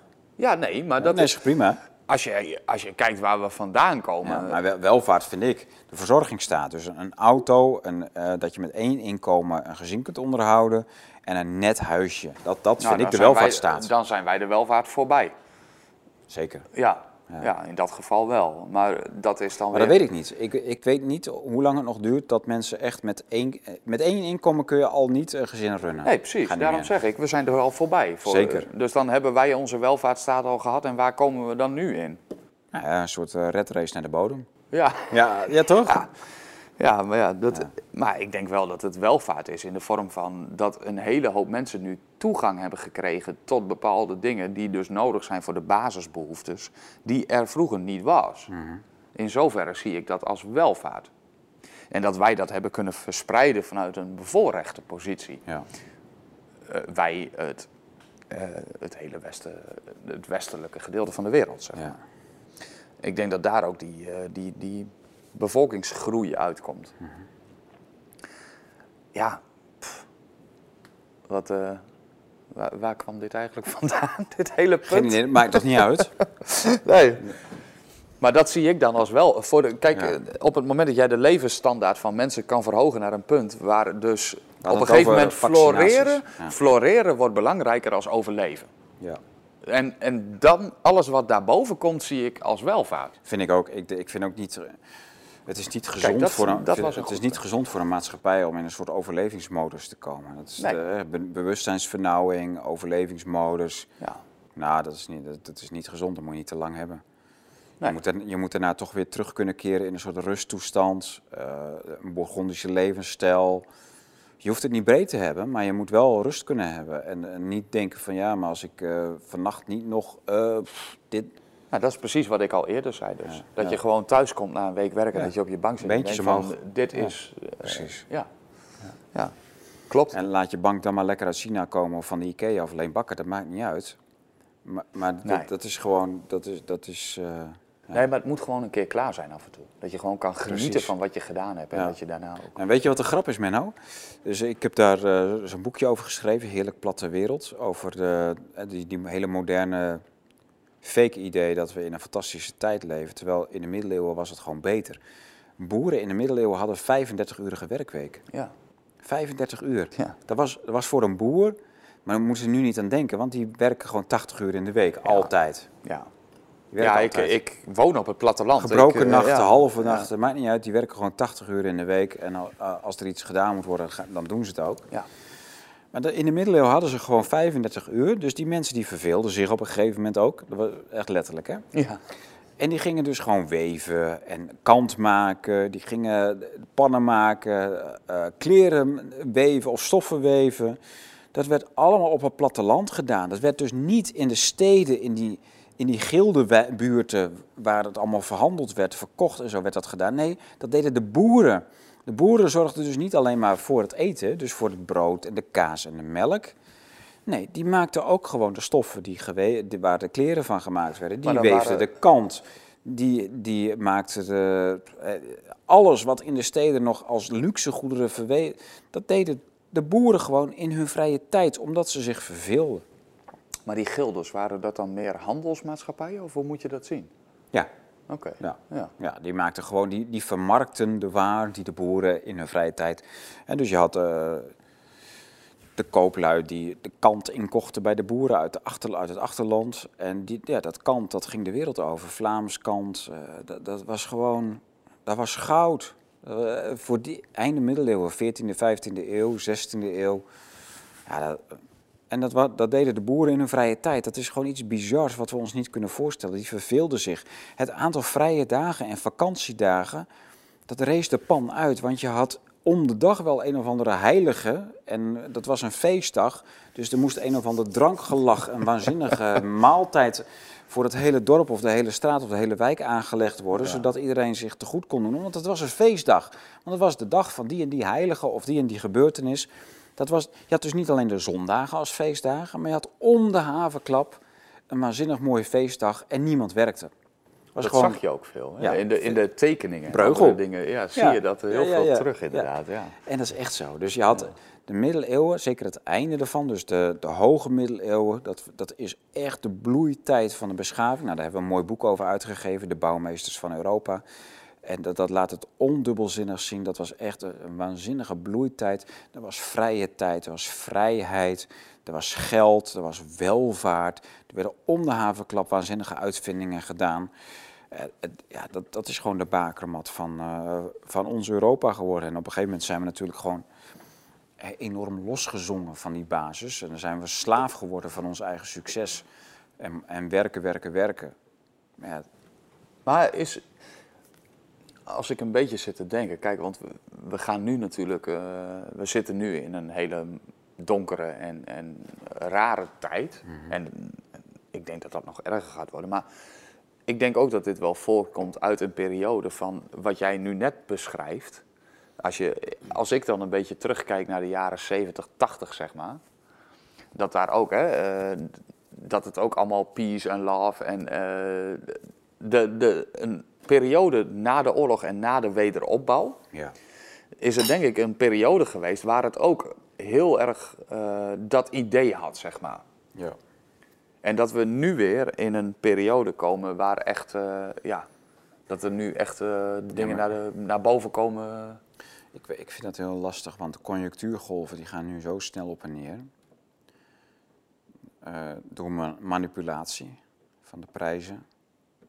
Terwijl je heel- aan in de middeleeuwen heel goed kon zien dat, dat, eh, dat er was niemand in staat om toen conjunctuurgolven te manipuleren. Er was niemand met zoveel macht en zoveel welvaart in twee handen. Dat hij kon zeggen van nou, ik ga nu de graanprijs manipuleren of ik ga nu de goudprijs doen. En ik doe dat ook echt voor het hele West-Europa. Voor de, Ja. dat is onmogelijk. Ja. Maar dat is ook nog Nu iets. wel. Ja, maar dat is ook pas iets van de laatste. 19e eeuw. Toen begon. In, in de 19e eeuw, en misschien al eerder hoor, maar zeker in de 19e eeuw had je dus de Britten konden de graanprijs, eh, wereld, de wereldgraanprijs beïnvloeden, zodat de Russen failliet zouden gaan op het graan wat ze in de Oekraïne verbouwden. Want de Oekraïne was toen al de graanschuur van de hele wereld. Nou, dat konden de Britten toen manipuleren, om- omdat zij, de Great Game, dat is een term van, eh, uit de 19e eeuw, dat was het spel wat de Britten eigenlijk speelden tegen de Russen. En heel Europa was de inzet. Dus dat, ze konden alles, probeerden alles om dat maar te beïnvloeden, om die Russen eronder te krijgen. Ja, en dat was, eh, to- toen zag je dat echt voor het eerst, dat ze echt dus wereldmarktprijzen konden beïnvloeden. En je had toen de opiumoorlogen, dus de, Britten die voerden in China en Afghanistan opiumoorlogen, zodat ze de, via die opium China eronder konden krijgen. En, eh, ja, Mag ik daar even op inbreken? Nou, Vol- volgens mij zijn ze. een jointje? Een pijpje. maar ik heb daar eh, nooit echt wat over gelezen. Maar ik, eh, je ziet het in films vaak terugkomen. Je hebt, ik, ik keek best wel eens wat Chinese films en dat soort dingen. En daar zie je dus heel vaak van die opiumhuizen. Ja. Die helemaal Ja. vol liggen met, Met mensen. laveloze Chinezen. Ja, en de- het schijnt dus, ik heb daar wel eens wat over gelezen of gezien of gehoord, maar dat, ze daar, dat de Britten daar heel succesvol in geweest zijn. Dat, Daar gaat dus de volgende epoch over. ja, Dat heet ook de Great Game, die epoch. En da- daar schrijf ik dus onder andere over dat de, de me- het grootste succes van de Engelsen, dat was niet alleen dat ze de werelddrugsmarkt in handen kregen, dus de- eh, ja, eigenlijk alle drugs, de, alle opiaten, maar ook de koffie, alle, alle verslavende middelen. En daar konden ze echt gewoon rijkend mee op hun knieën brengen. ja. En dat niet alleen. Ze creëerden ook, dus in China, gewoon eigenhandig een Chinese maffia-structuur. Dus Ja. de triades, Ja. het, het bestaan van de maffia, de hele bloei en opkomst van de maffia, die gaat terug tot deze tijd. Dus dat, dat de Britten echt de wereldprijzen konden controleren van de graan, van de opiaten, van de, de, de- van de koffie, van de specerijen, van de munten, de alle Ja. valuta. Dat Ja. konden ze allemaal manipuleren. Niet, niet controleren, maar wel manipuleren. En daar hebben ze dus gewoon wereldwijd een enorme maffiastructuur in opgezet. Dus de, ja, in in China is het echt tot op de huidige dag is, eh, zijn de Chinese maffia gewoon één op één nog steeds in verband met de Britse of de Anglo-Amerikaanse ja, wereld. Nou, heersers niet, maar wel de, de, de geldelite van de, de Anglo-Amerikaanse geldelite. Ja. Die zit, dat, dat zijn nog steeds gewoon hele nauw verbonden structuren. En de, de, de opkomst van de Italiaanse maffia in, in combinatie met de landing van de Amerikanen op Sicilië. Het, het is allemaal gedocumenteerd. Het is allemaal na te lezen. Ik heb de boeken in mijn kasten staan. En het is al, eh, die, die verbindenissen zijn zo simpel. Als het aan Mussolini lag, hadden we geen maffia meer. En dat is niet om Mussolini de hemel in te prijzen, want eh, die maffia was er ook niet zonder reden. Maar hij had de maffia helemaal uitgeschakeld. En de Amerikanen die gingen Mussolini destabiliseren door de maffia weer in het zadel te helpen. Ja. Het is bizar. Dus er is een, echt een getikke tak van kampen waarvan je niet zegt van nou kies voor de een of voor de ander, maar wel, ja, het, is gewoon allemaal, het zijn allemaal kiezen uit kwaden. Weet je? Verdeel en heers. Verdeel en heers, ja. ja het is Het, verschrikkelijk. het eeuwenoude. Ja. het komt er Ja, altijd weer op terug. Ja. In zoveel dingen. Ja. Ja. Nou, Tom, hebben we nog wat leuks om mee... Menno, eh, wat hebben we gehad? Even kijken. nou, best wat. we, we hebben eigenlijk wel alles, alles gehad. Ja. Ja. Dus even kijken, wat, ehm, wat hebben we? De, de epochs, dus de komende twee epochs van eh, nummer 16 en nummer 17 Ja. zijn heel belangrijk. Want de nummer 16 die in, ja, eigenlijk begin juni uitkomt, dus nu. eh The Great Game is een, is een heel groot, belangrijk nummer. Eh, en het nummer daarna, ja, daar komt natuurlijk een fantastische eh, Italië special in. Maar daar komt dus ook heel veel in over de CBDC's, wat jij al noemde. De Central Ah. Bank Digital Currencies. De- dit wordt het grote ding. hè? ja, wordt het grote ding, ja. precies. Dus dat is september. Dus eh, wat je zou kunnen zeggen, eh, om af te sluiten, is mensen moeten zich even abonneren op Epoch. Menno? Mensen, abonneer je op Epoch. Het is echt een prachtig magazine en we steken daar heel veel tijd en moeite in. En, eh, Om iets heel goeds te maken. ja, absoluut. Ja, Ja, het voelt goed, het ziet er goed uit. Eh, als je hem in je handen hebt, is het echt een plezier. Er staan belangrijke dingen in. Absoluut, ja. Mooie artikelen, eh, belangrijke dingen. Maar ook dingen om gewoon van te genieten, die staan er ook in. Ja. Er, staan ook gewoon wijnen, whiskies en andere mooie ambachten. prachtige spellen staan er. Ja, Ja. Dus eh komend nummer gaat The Great Game. Dus dat gaat echt over de wereldgeopolitiek. Ehm, dat is dus het juni-nummer. En dan komt in eh, september het eh, nummer uit over geld, onder andere. Maar ook wel weer heel veel geopolitiek, omdat dat natuurlijk nooit stopt. Dus we gaan gewoon door in dat eh, frame. En daar komen weer hele interessante dingen. Een van de allereerste uitzendingen die hierop gaat volgen, dat zult u zien, gaat, gaat over dat nummer, die nummer 17 die in september uitkomt. Geopolitiek thema, heel actueel. Www.epoch.media. Menno? nou, Nou, top. abonneer je. Ja, Ja. super. We gaan even lekker eh, de derde helft in met een eh, andere fles, of niet? Kunnen we er nog één doen. Doen we, is goed. Mensen, het was Ja. weer heerlijk om terug te zijn. Eh, ik was echt wel wakker. We hadden even wat te doen. We hadden vakantie. Ik ben naar Italië geweest met mijn dochter. Dat gaat u dus zien en lezen in Epoch. Vooral nummer 17, het septembernummer. Omdat het septembernummer u nog even warm moet maken voor Italië in de nazomer. Dus september, oktober, november. Dan is Italië op zijn mooist. Eigenlijk nog mooier dan in april, mei, juni toen wij er waren. En eh, daarom doen we dat in het eh, nazomer, of het zomer, het nazomernummer. Dan kunt u nog even lekker eh, denken van, oh ja, oktober heb ik nog een weekje vrij, ik rij even op en neer. Dat is echt aan te raden. Rijdend is er geen enkel probleem. U kunt gewoon zonder QR-codes een, eh, een pasje nemen ergens over een eh, obscuur grensovergangetje. En dan kunt u gewoon in Italië komen. U kunt gewoon een hotelletje boeken. Er is niets aan de hand als u gewoon de juiste plekken weet. En die leest u, die juiste plekken, leest u in epoch nummer 17. Ehm, wat wou ik zeggen? Prettig weekend. We houden mee op. Ja. We zien u heel graag bij de volgende uitzending terug. En dan een van de allereerste uitzendingen is over een heel erg mooi thema, namelijk de wapenhandel naar Oekraïne.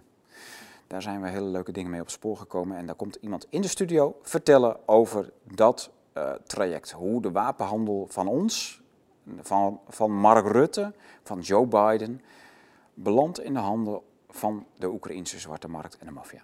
Tot de volgende keer.